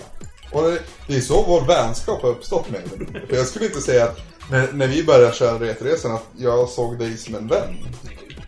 Vi, Du vi, var en snubbe jag snackade med som var trevlig. men- ja, och vi hade ett gemensamt intresse och på den vägen har en vänskap dykt fram. För det, under våra Skype-konversationer, oftast en i veckan, ibland ett par fler, så, så blir det ju mycket skitsnack också. Vad som har hänt och det här är skitdrygt och det här, fan vad bra det här var och så vidare. Och det ser jag fram emot att fortsätta med. Skitsnack. Ja, skitsnacket är det göttaste. Ja, om man... Som, om jag får svara på min fråga, eh, svara på samma fråga. Själva spelandet uppenbarligen ser jag fram emot, för det är ju så himla kul. Det är så kul framförallt när vi hittar de här spelen som inte, inte fanns på kartan. Vi får grymma tips från våra lyssnare. Du kommer med så har du testat det här? De, Nej, jag vet inte ens vad det är. Och så... Nu gör jag massa, massa... Gör du jättestora stora gester som ingen ser förutom jag. Anders ser ut som att han håller på och brinner. Ja, Ja, det, det ska för, ungefär som en lavin kommer det. det är så. Mm. Is, eld, lite långt ifrån. Men ehm, det jag framför allt mest ser fram emot, om jag ska vara riktigt brutalt ärlig, det är att få höra vecka efter vecka från våra lyssnare att vi är bra. Du vill bli kliad på ryggen. Ja, alltså, du vet ju vad jag har haft för sommar. Jag behöver få lite kliv på ryggen. Det tror jag vi kan requesta lite nu. Vi behöver lite uppmuntrande ord till Samson.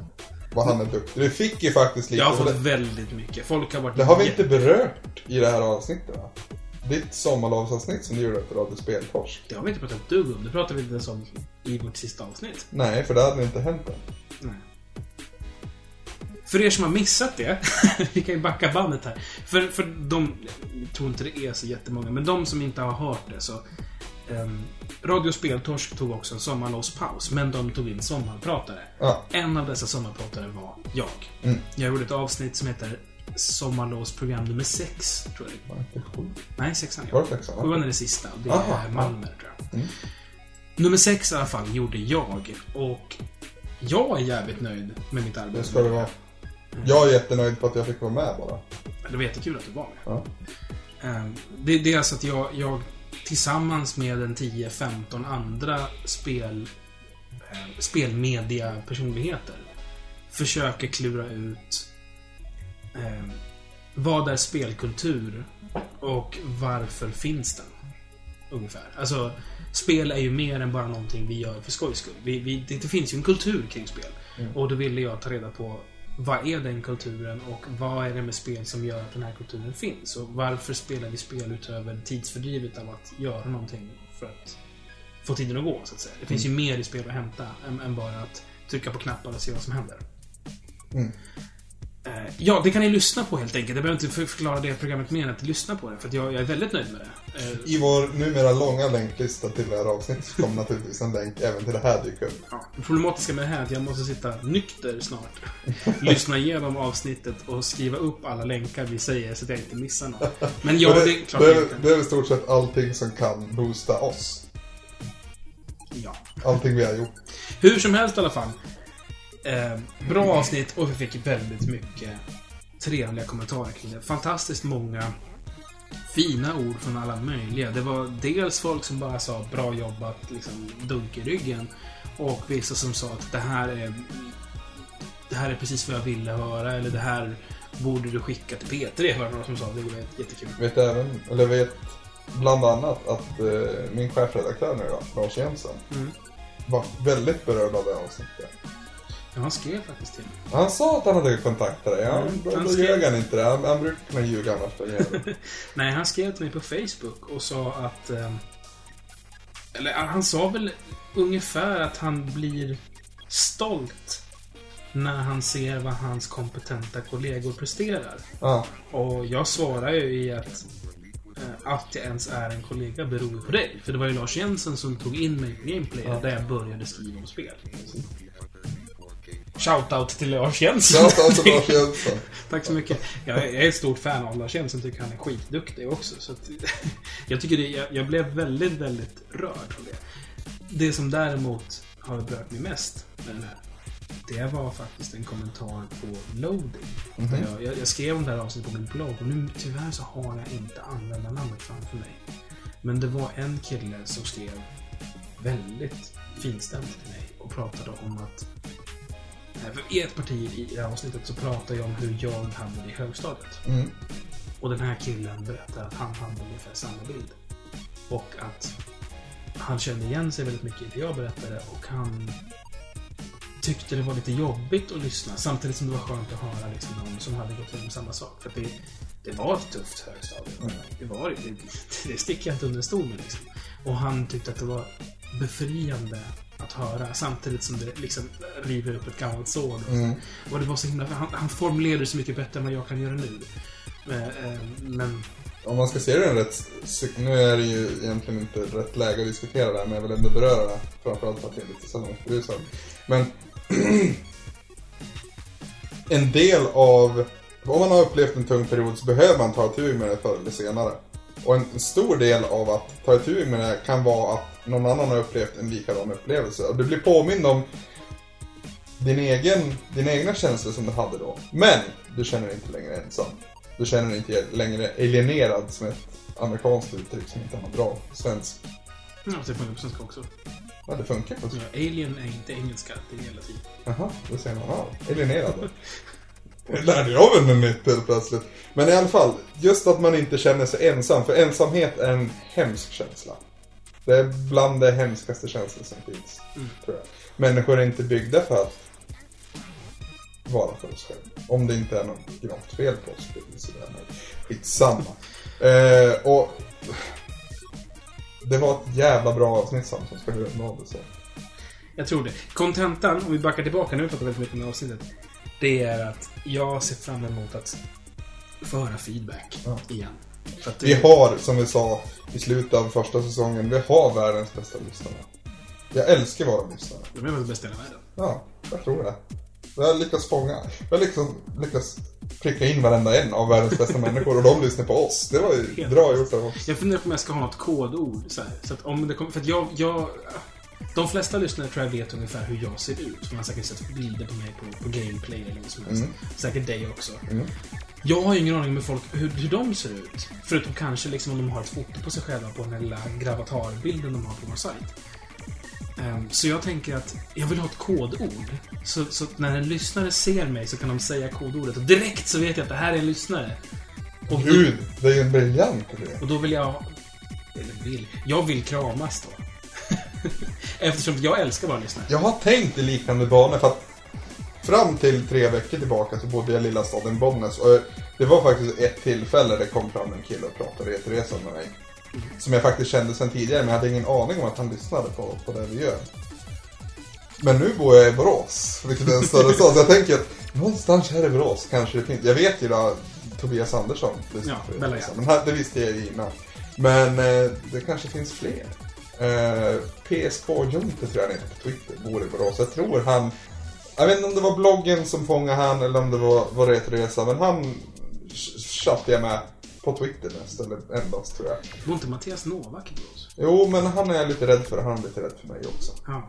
Jag gillar han, han är väldigt fin. Mattias Novak, han skriver framförallt enormt bra måste jag säga. Ja, men nu, ryggdunk i branschen är kanske inte så jätteintressant. Nej, eh, vart, vart skulle jag ta? Jo. Jag har velat haft, det du säger, ett kodord så att om någon som vet vem jag är men inte riktigt vågar gå fram, om man bara kunna ropa ut så här typ bananhelikopter eller vad, vad fan som helst så bara wow reagerar jag bara "Sh, Jag tänkte på ett mail-alias. Kramkalas. kramkalas. Så här gör vi. från och med nu, eller från och med nästa fredag blir det Men, Från och med när det här avsnittet kommer ut. ja. Om ni ser mig eller Anders och funderar lite på så här. Jag vill gå fram och säga hej till Samson eller Anders. Vem det nu är som ser oss. Ja. Bara hojta ut kramkalas. Jag lovar att om jag hör kramkalas, då tänker jag stanna upp.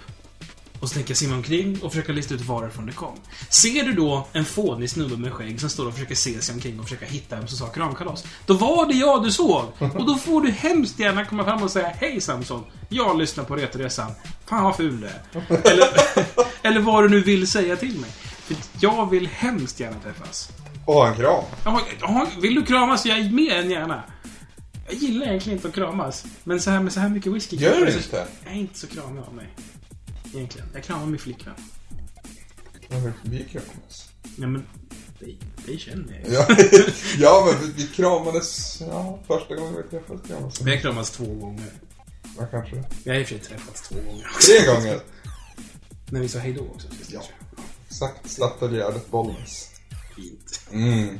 Så bra att du kommer ihåg exakt var vi var någonstans. Ja men Statoilgärdet är ett nav i Bollnäs. Det är stället där alltid öppet. Det är där. Det är som kiosken i fucking Åmål ungefär. Ja. Så för att summera. Mm. Svar på Niddes fråga. Det vi mest ser fram emot är för din del att snacka skit med mig. Mm. Och, Och brygg- det håller- drink också givetvis. då. Och det håller jag med om. Det är klart jag vill snacka skit med dig också. Ja, ja. Obviously. Annars hade vi bjudit hit dig. Jag tror inte på dig. Jo. Ehm, och, och rygglunket. Mm. Det var väl de frågorna vi har fått in tror jag. Eller okej, Ludde tycker att vi ska prata om honom. Ludde! Ludde från Svampriket. Vilken fin video du gjorde om oss. Ja. Det måste vi faktiskt också skicka ut. Det kan vi länka. Ja, ja, det kan vi länka. Ludde är världens snyggaste Gävlebo. Han har för övrigt väldigt bra musiksmak också, har jag fått lära den här veckan faktiskt. Och vi gör lite så här, äh, kasta upp en idé i luften att vi ska träffas och dricka lite sprit och lyssna på musik. För vi verkar ha ungefär. Jag vill gärna vara med, men jag kanske inte. Nej, jag vet inte. Vi, Är vi är lite för ballare än mig. Ja, okej. Så för, Nej, jag, självklart jag, jag som inte är från Gä- Gävleborg, jag får inte vara med liksom. Han är fan från Uppsala, jag och han är med gemensamt så. Fast om Ludde visar sig vara en brynäsare också som får se Brynäs Jag har inte sagt att jag ogillar Brynäs, jag har bara sagt att jag inte är sportintresserad. Det är självklart, alltså, så- det är klart att du Ska ska inte tränga mig på, det är klart ni får umgås utan mig. Jag menar mest på att jag vill jättegärna hänga med Ludde också. Jag har varit nära på att hänga med Ludde Och jag är jätteoseriös med att du inte ska få med det. klart att du ska få med. Apropå Ludde. Mm.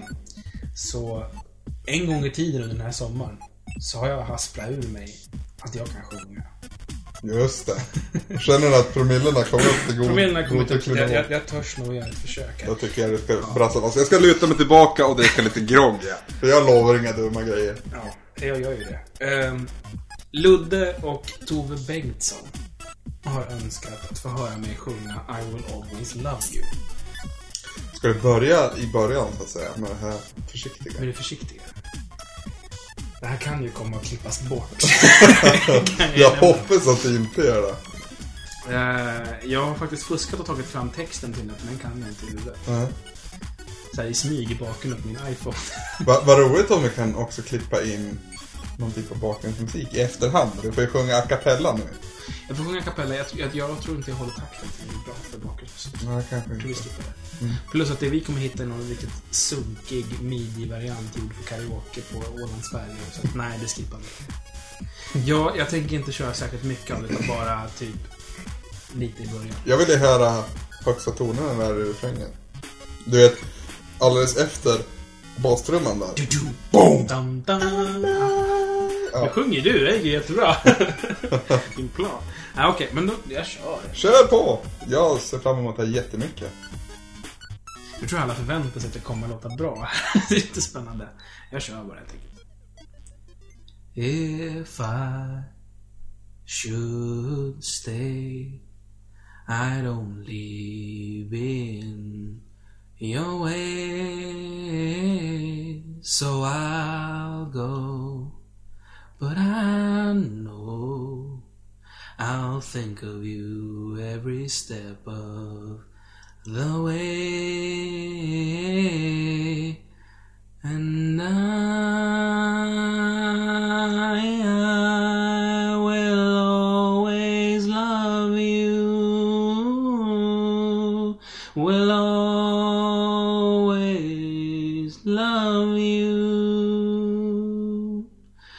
darling. You mm-hmm. bittersweet memories. That is all I'm taking with me. So goodbye. Please don't cry. we both know I'm not what you you need. And I,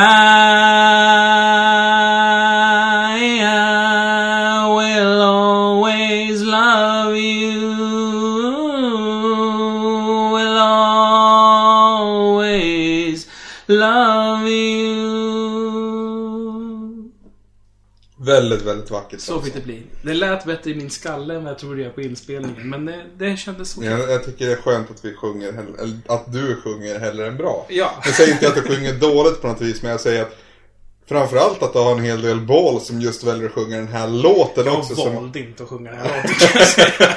Okej, det, det, det finns ju bättre låtar för en kille att sjunga än I will always love you som är... Men- Är det Whitney Houston från början? eller? Nej, det är Dolly Parton. Är det Dolly Parton? Ja, jag hade för mig det. Jag tänker bara på Bodyguard. Och då är det Whitney förstås. Då är det Whitney. Den är ju, den är ju mest känd när Whitney gör det. Ja. Och hennes fantastiska stämma där. In, hopp, innan kokainet. jag hoppas att du inte Gå och hälsa hennes... följer hennes spår nu. Nej, jag, jag tror snarare jag följer Dolly Parton. Så Ja, det, det låter bra. låter sweet. Ja.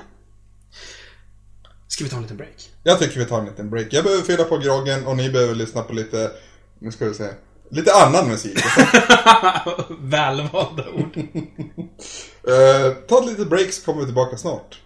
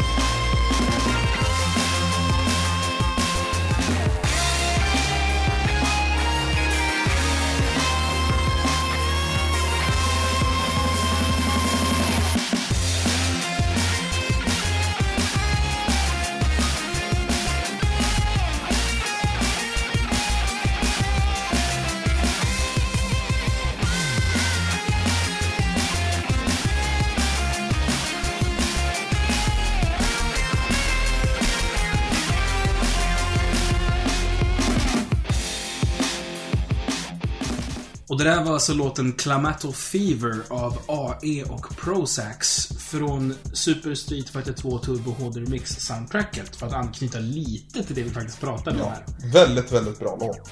Både original och den här versionen. Det här är jävligt bra. Mycket rock. Ja. Den här. Jag minns, när, när man, det här är ju menymusiken, så att säga. När man startade spelet så var det så här, jag satt och länge i menyn och bara lyssnade innan jag det, ens är, började. det är definitionen också av japansk rock. Ja, På, ja. nå- på något vis. Det, är någonting där som... Jag vet inte, det känns... Det är en unik touch. på Ja. Det är digitalt och väldigt så här.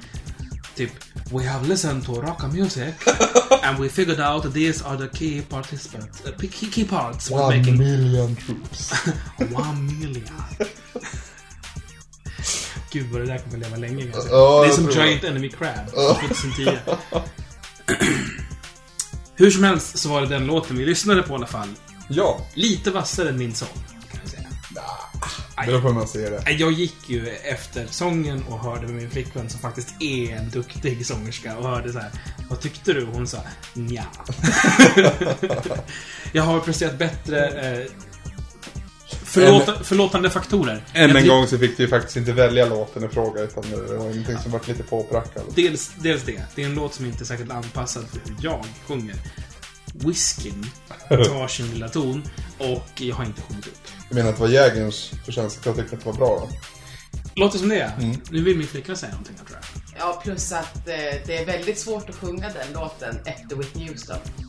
Det är sant. Det var lätt. Det är svårt, även om det är en bra sångare eller sångerska, så ska du sjunga den efter Whitney Houstons jävla paradnummer så är det, ja, lycka till. Det kan inte göras bättre. Nej, det är knappt, så- knappt liksom. Lite som stackars Gearbox som får göra Duke Nukem. Nej, inte riktigt. Eh, Hur som i alla fall. Ska vi gå vidare? Vi går vidare. Sång eh, lämnar vi där här. Ja. Nu ska vi spela lite. Nu ska vi spela lite. Väldigt roligt. Vem var? Var Daxter? Daxter hade önskat Super Contra, vilket jag tror betyder Contra 3 eller Super Probotector. Eftersom Super Contra finns det inget spel som heter, vad jag vet. Hela, hela fingret pekar Pe- pe- båda två pekar med Nästa, nästa gång vi gör ett sånt här avsnitt så så måste vi nästan videofilma det också. För vi gör mycket gester som är liksom... Vi, det faller sig helt naturligt för oss. det kommer inte att falla sig naturligt för våra lyssnare. Nidde önskade ju webcam via Facebook, men nej. Inte än. Vi har ingen kamera. Vi kämpar på det. vi skyller på det. Ja. Ehm, hur som helst, vi sitter och spelar oss lite Super Protector. Det blir lite av en försmak. Vi kör kanske första banan. Vi kör ett par minuter och, och så får ni vänta lite på resten. Ja, så vi tar och sätter igång. Ja, Anders. Nu sitter vi här framför Super Probotector. Jajamän, ett av dina favoritspel kan man väl säga. Lugnt. Jag gillar ju första Probotector kontra även känns det. Ja. Till det, här, det här är ju kontra 3 vi spelar nu. Eh, vi tar och sätter igång helt enkelt. Vi behöver inte titta på introt. Vi ser. Oj, välter jag lite burkar här. Passande. Sånt som här. Ja. Ja, då ska vi se här. Om du trycker på start så slipper vi introt. Är, du är player one. Ja. Vi ser. Vad är skillnaden på A och B där? Eh, på B så kan vi skjuta varandra, på A så kan vi inte Vi det. ska inte skjuta varandra. Nu är handkontrollen lite seg. Men jag tänkte jag skulle ställa in, fuska lite, ge oss mycket liv. Ja. Och sätta det på easy. För det är faktiskt första gången du spelar det här spelet. Eh, bland de första. Bland- Jag har testat det men jag har inte satt mig in i det kan man säga. Då kör vi two player A. Ja, Då sätter vi igång nu. spännande. Ja, då sätter vi igång helt enkelt. Eh, jag är alltså den blå killen, du är den orangea killen. Då kör vi. Aha. Det blir lite sköld där tid och jag får en extra bomb. Jag kommer inte ihåg kontroll. Jag tror det är... Eh, du vill ha spray. Yes! Båda spreader, nu behöver vi inte ha någon mer. Det här har jag kommer ihåg från originalkontra. Spreader kicks serious ass. Jag gillar de här. Jag tar dem. Just det, du kan byta med RL-knapparna. Vapen? Ja, du kan ha två vapen. Och jag, jag vill inte ha eld. Eller förlåt, med, med X-knappen så kan du byta. Okej. Nu har jag homing och det är helt underbart kan jag säga. Hade vi spelat på en högre svårighetsgrad hade den här hunden hoppat till och sprungit efter oss. Okej. Jävlar.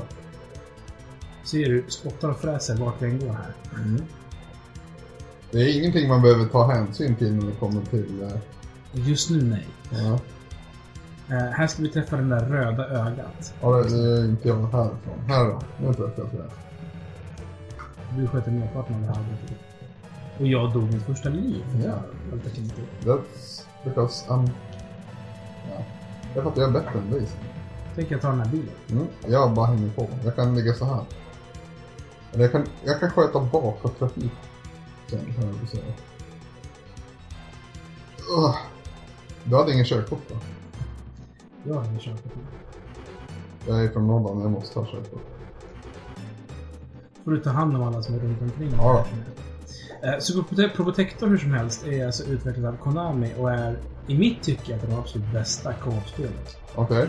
Vad är det som gör det till ett sånt perfekt co-op-spel tycker du Jag vill ha den lasern. Se vad är det för något? Få se en demonstration. Eh, de, de exploderar när de träffar fiender. Okej. Jag vet inte vad C står för. Crash kanske? Oh, extra bomb. Du bombar med eh, B-knappen tror jag. Den där också. Hej! Så är Det kommer snart. Jävlar vad grejer. Vad B, där då? B är sköld. Det är block. Nu är det odödligt här. Akta dig för eldslungan. Det är så mycket sköna grafiska detaljer. Du ser nu, den exploderar när den eh, träffar. Ah, Okej. Bästa med det här, han kan ställa sig i majestätiska poser. Hur gör jag det? Du håller i både R, både R och L. Titta. Jag och Rambo. Nu kommer vår Wow. första miniboss. Som heter... Ja, sig bakom. Ah, ja, ja. Full frontal. Mm, Men jag har ju lasern då, och lasern tar jävligt mycket. Nice! Så han dog ju rätt snabbt va? Kommer få kritik från Nidde och Tobbe här att kör på isen. Jo, men i och med att det faktiskt är din första gång så känner jag att det är okej. Ja. Nu gäller det att hoppa upp här och ställa sig i en riktig pose, för nu kommer det snart bombas. Du hör ju helikopterljudet här. Shit, det ser lila ut. Ja. Det blir inte några golv här som gäller. Okej. Det var rätt kass på när jag var liten. Vi ser hur det går nu. Jaha, ja. Oj. Nej, vad fan! Båda två. Klampar. Jag, jag, jag följer ju efter dig, ja. Skynda sig över medan den är lugn. Verkar det gå skjuten där lite honom? Ja, det går, men det blir så. Men det- är väldigt matt att skjuta här. Det är Det det. har du ju väldigt rätt i. Och inte... Kontra har väl blivit framröstat till det mammigaste spelet i historien. Nej! Jag tänkte att du skulle få spreader. Ja, det var snällt. Det var jag som inte riktigt var hundra där. Här gäller det att stanna. Och Fan! vara lite manlig. Kolla på mig! Manlig som satan här i mitten. Wait for it. Du också tog en manlig paus. Och här är det Peachy. Nu är jag. Okej. Jag skulle gärna se en, en sån där. Bomb bara. Fan, inte vi använt den bomben? Man kan bara ha, man har max två bomber. Nu kommer den första riktiga bossen. Och när jag såg det här första gången, 1980 någonting, eller 99, på eh, Storliten i Uppsala. Du ser den här lilla röda fläcken Mm. hans känslighet. Fy fan vad jag tyckte, åh shit vilken stor jävla sprite. Det här är sweet spot. Särskilt nu på Easy när han knappt skjuter någonting. Ja, så hoppar jag ner och så dör jag. Det var jävligt kast. Av mig alltså. Mm. Och det där Det var alltså första banan. första banan av Super Contra. En machobild på mig, så här som en mellansekvens. Okej. Och för eh, er som lyssnar så är det dags att gå vidare. Det är dags att gå vidare. Så där lät det alltså. Första banan. Första banan i Super Probotector. Ja. Ska tilläggas att resten av spelet, kanske inte alla banor, Det beror lite på våran dagsform. Ja, men en, en bra bit mer av spelet kommer vi också ha spelat in. Och det kommer också upp på onsdag på save.se och även en variant på Bitloaf. Ja. Och det här är alltså video. Ja. Det är Alltså, viktigt att säga. Så ni får se oss spela och ni får höra oss fåna oss kring Alltså ni får ju se gameplayet. Vi kommer in... Vi, vi syns inte, tack gode gud. Däremot... Däremot får vi se vad vi spelar. Och det är jag som är den bästa av de två gubbarna ni ser. Ja. Och jag är den som snor alla power-ups. Så länge jag har mitt S så är jag nöjd. Då säger vi så. Vi går vidare. Ja. Anders, Ja. någonting vi brukar närma oss nu, det är att prata om vad vi ska spela nästa vecka. Precis. För nästa vecka ska vi faktiskt ha spelat någonting inför avsnittet. Det blir Precis. ett ordinärt. Vi, vi har ju latat oss lite det här avsnittet. Det var väldigt bekvämt för övrigt kan jag säga. Bara sitta och snacka. Klia sig i naveln.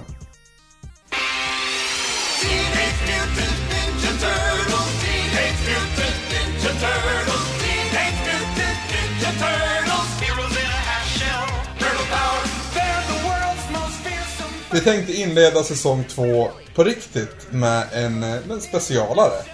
Varför inte? Varför inte inleda med en specialare? Och vi har ju på något mystiskt sätt kommit på ett sätt att kringgå våra egna uppsatta regler om att vi inte får spela spel som jag spelar förr. Ja.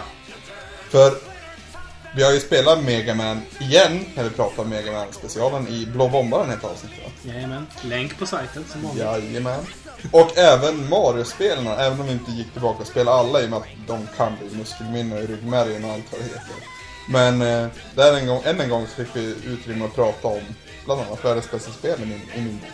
Eller mitt absoluta favoritspel. Väldigt 15 nästan. Till nästa vecka så tänkte vi ta ett Turtles special. Ja. Och det vi då ska spela är alltså Turtles 1. Jag kommer inte ihåg riktigt om det är riktiga titeln. Till, nin, super, till Nintendo i alla fall. Nintendo 8-bitars. Det Capcom producerades första spelet. Precis. Och sen eh, Turtles 2 The Arcade Game. Också till NES. Ja. Turtles 3, också till NES. The Manhattan Project tror jag det kallas va? Inte helt säker på det. Men Turtles 3 också arkad... Väldigt lik tvåan vad jag kan minnas. Jag har hem, spelat hemskt lite av just det. Och naturligtvis kronjuvelen och som jag nämnt ett par gånger i det här avsnittet. Teenage Mutant Ninja Turtles 4 Turtles in Time. Till Super Nintendo då. Så vi kommer alltså inte ge oss in på Mega Drive-spelet som hette Hyperstone Heist. Hyperstar, nästa. Och vi kommer inte ge oss in på Tournament Fighters som är... Game Boy. Ja, nej, det, det finns till Super Nintendo och till Mega Drive och är den här Street Fighter-liknande spelet. Jaha, för det finns ett versus-läge i in Time också. Är det liksom föraningen till det som kom sen då?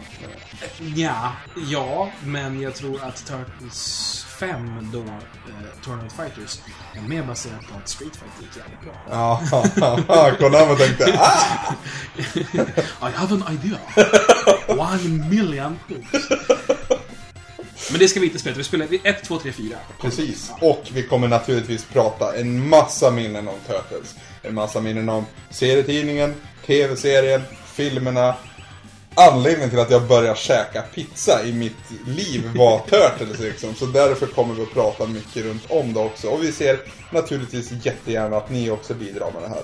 Lämna en kommentar, gärna fem, på vår hemsida och skriv vad som är bäst, sämst och roligast med Turtles.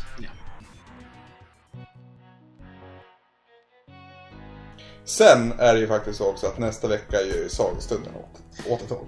Gud, vad- precis jag kommer inte komma in på Anders. Oh. Sagostunden, som vi har väntat. Ja, det, det är ett par som har väntat. Det är, det är ett par som är bra spända nu tror jag. S- Säg inte än, säg Jag inte än. försöker hålla på det så länge som möjligt, säger jag. Ehm, det är ett spel som en hel del har önskat efter. Ja, man kan, alltså, först var det Final Fantasy 4. Ja, Final Fantasy 6. ja, Final Fantasy 7. precis. För att liksom köra de viktigaste delarna av en tung serie. Mm.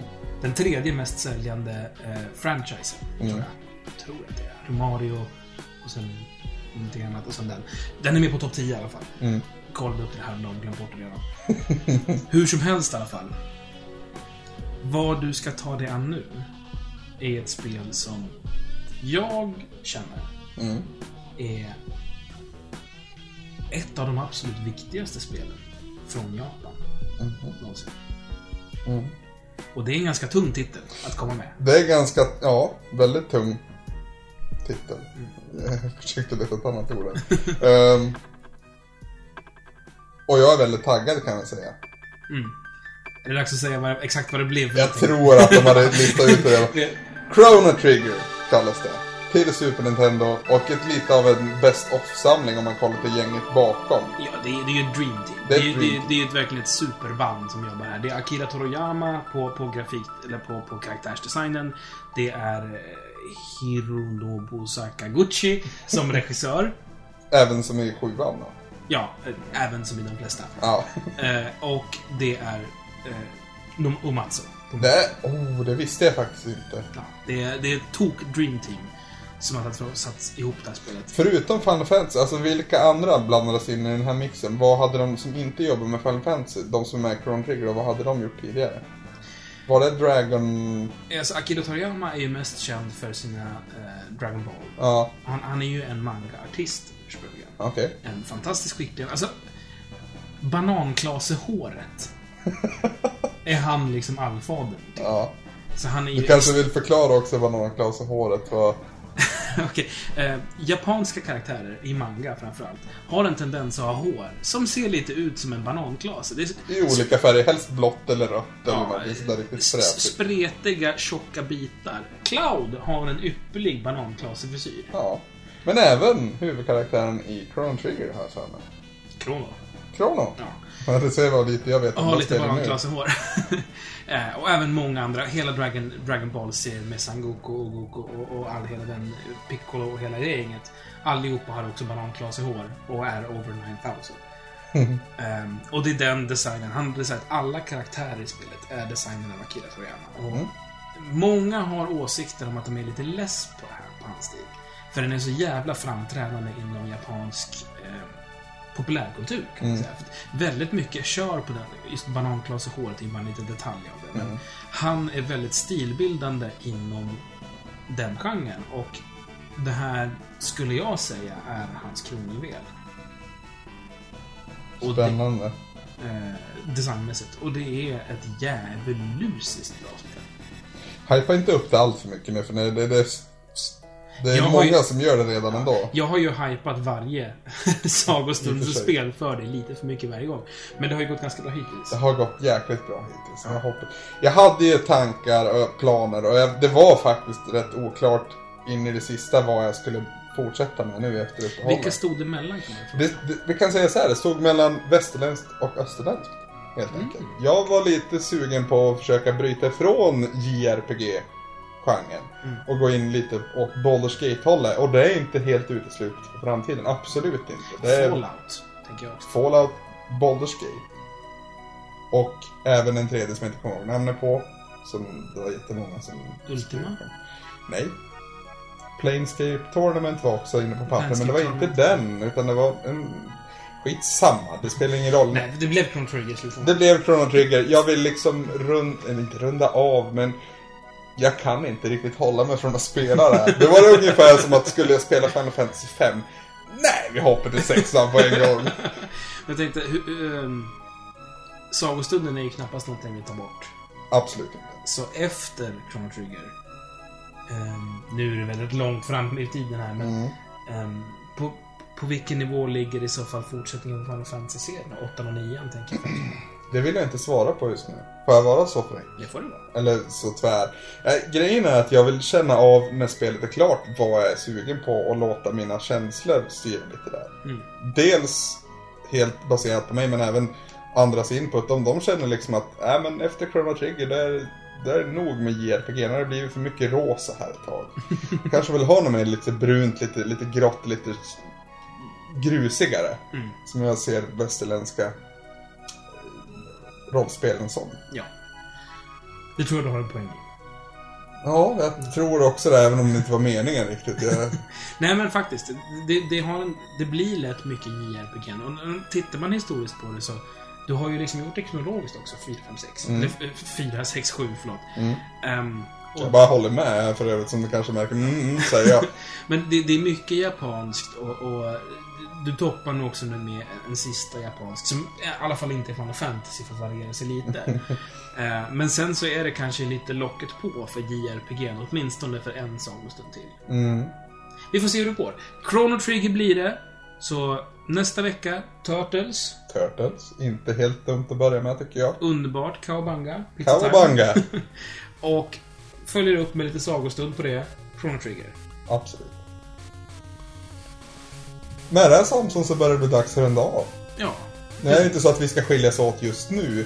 Men... som eh, vi brukar göra. Nej, precis. Vi brukar ju bara lägga på direkt efter. Vi brukar aldrig sitta och svamla en timme efter. Det brukar vi naturligtvis. Men Vet bara flickan de... ja, vi tackar dem i, i säsongsavslutningen. Har du hört det förresten, älskling? I sista Men då har ju avsnittet. vi... Ja, jo, du spelade upp det för mig.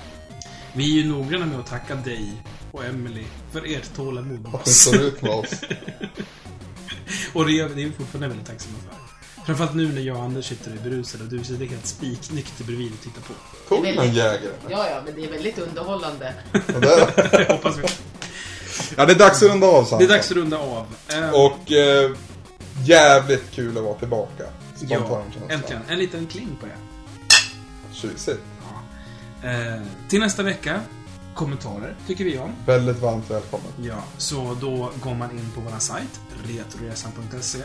Man kan också skriva till oss på Twitter, där heter vi Retoresan. Vi finns på Facebook, facebook.com retroresan.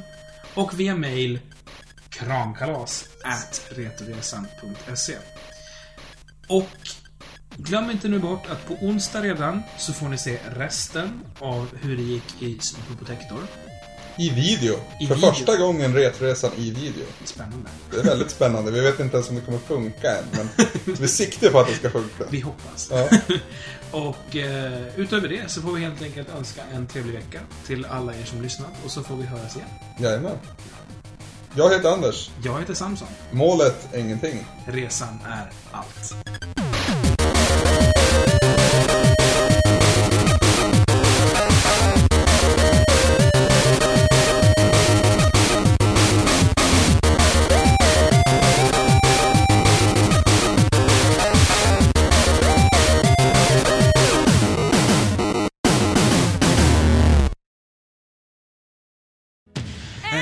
And I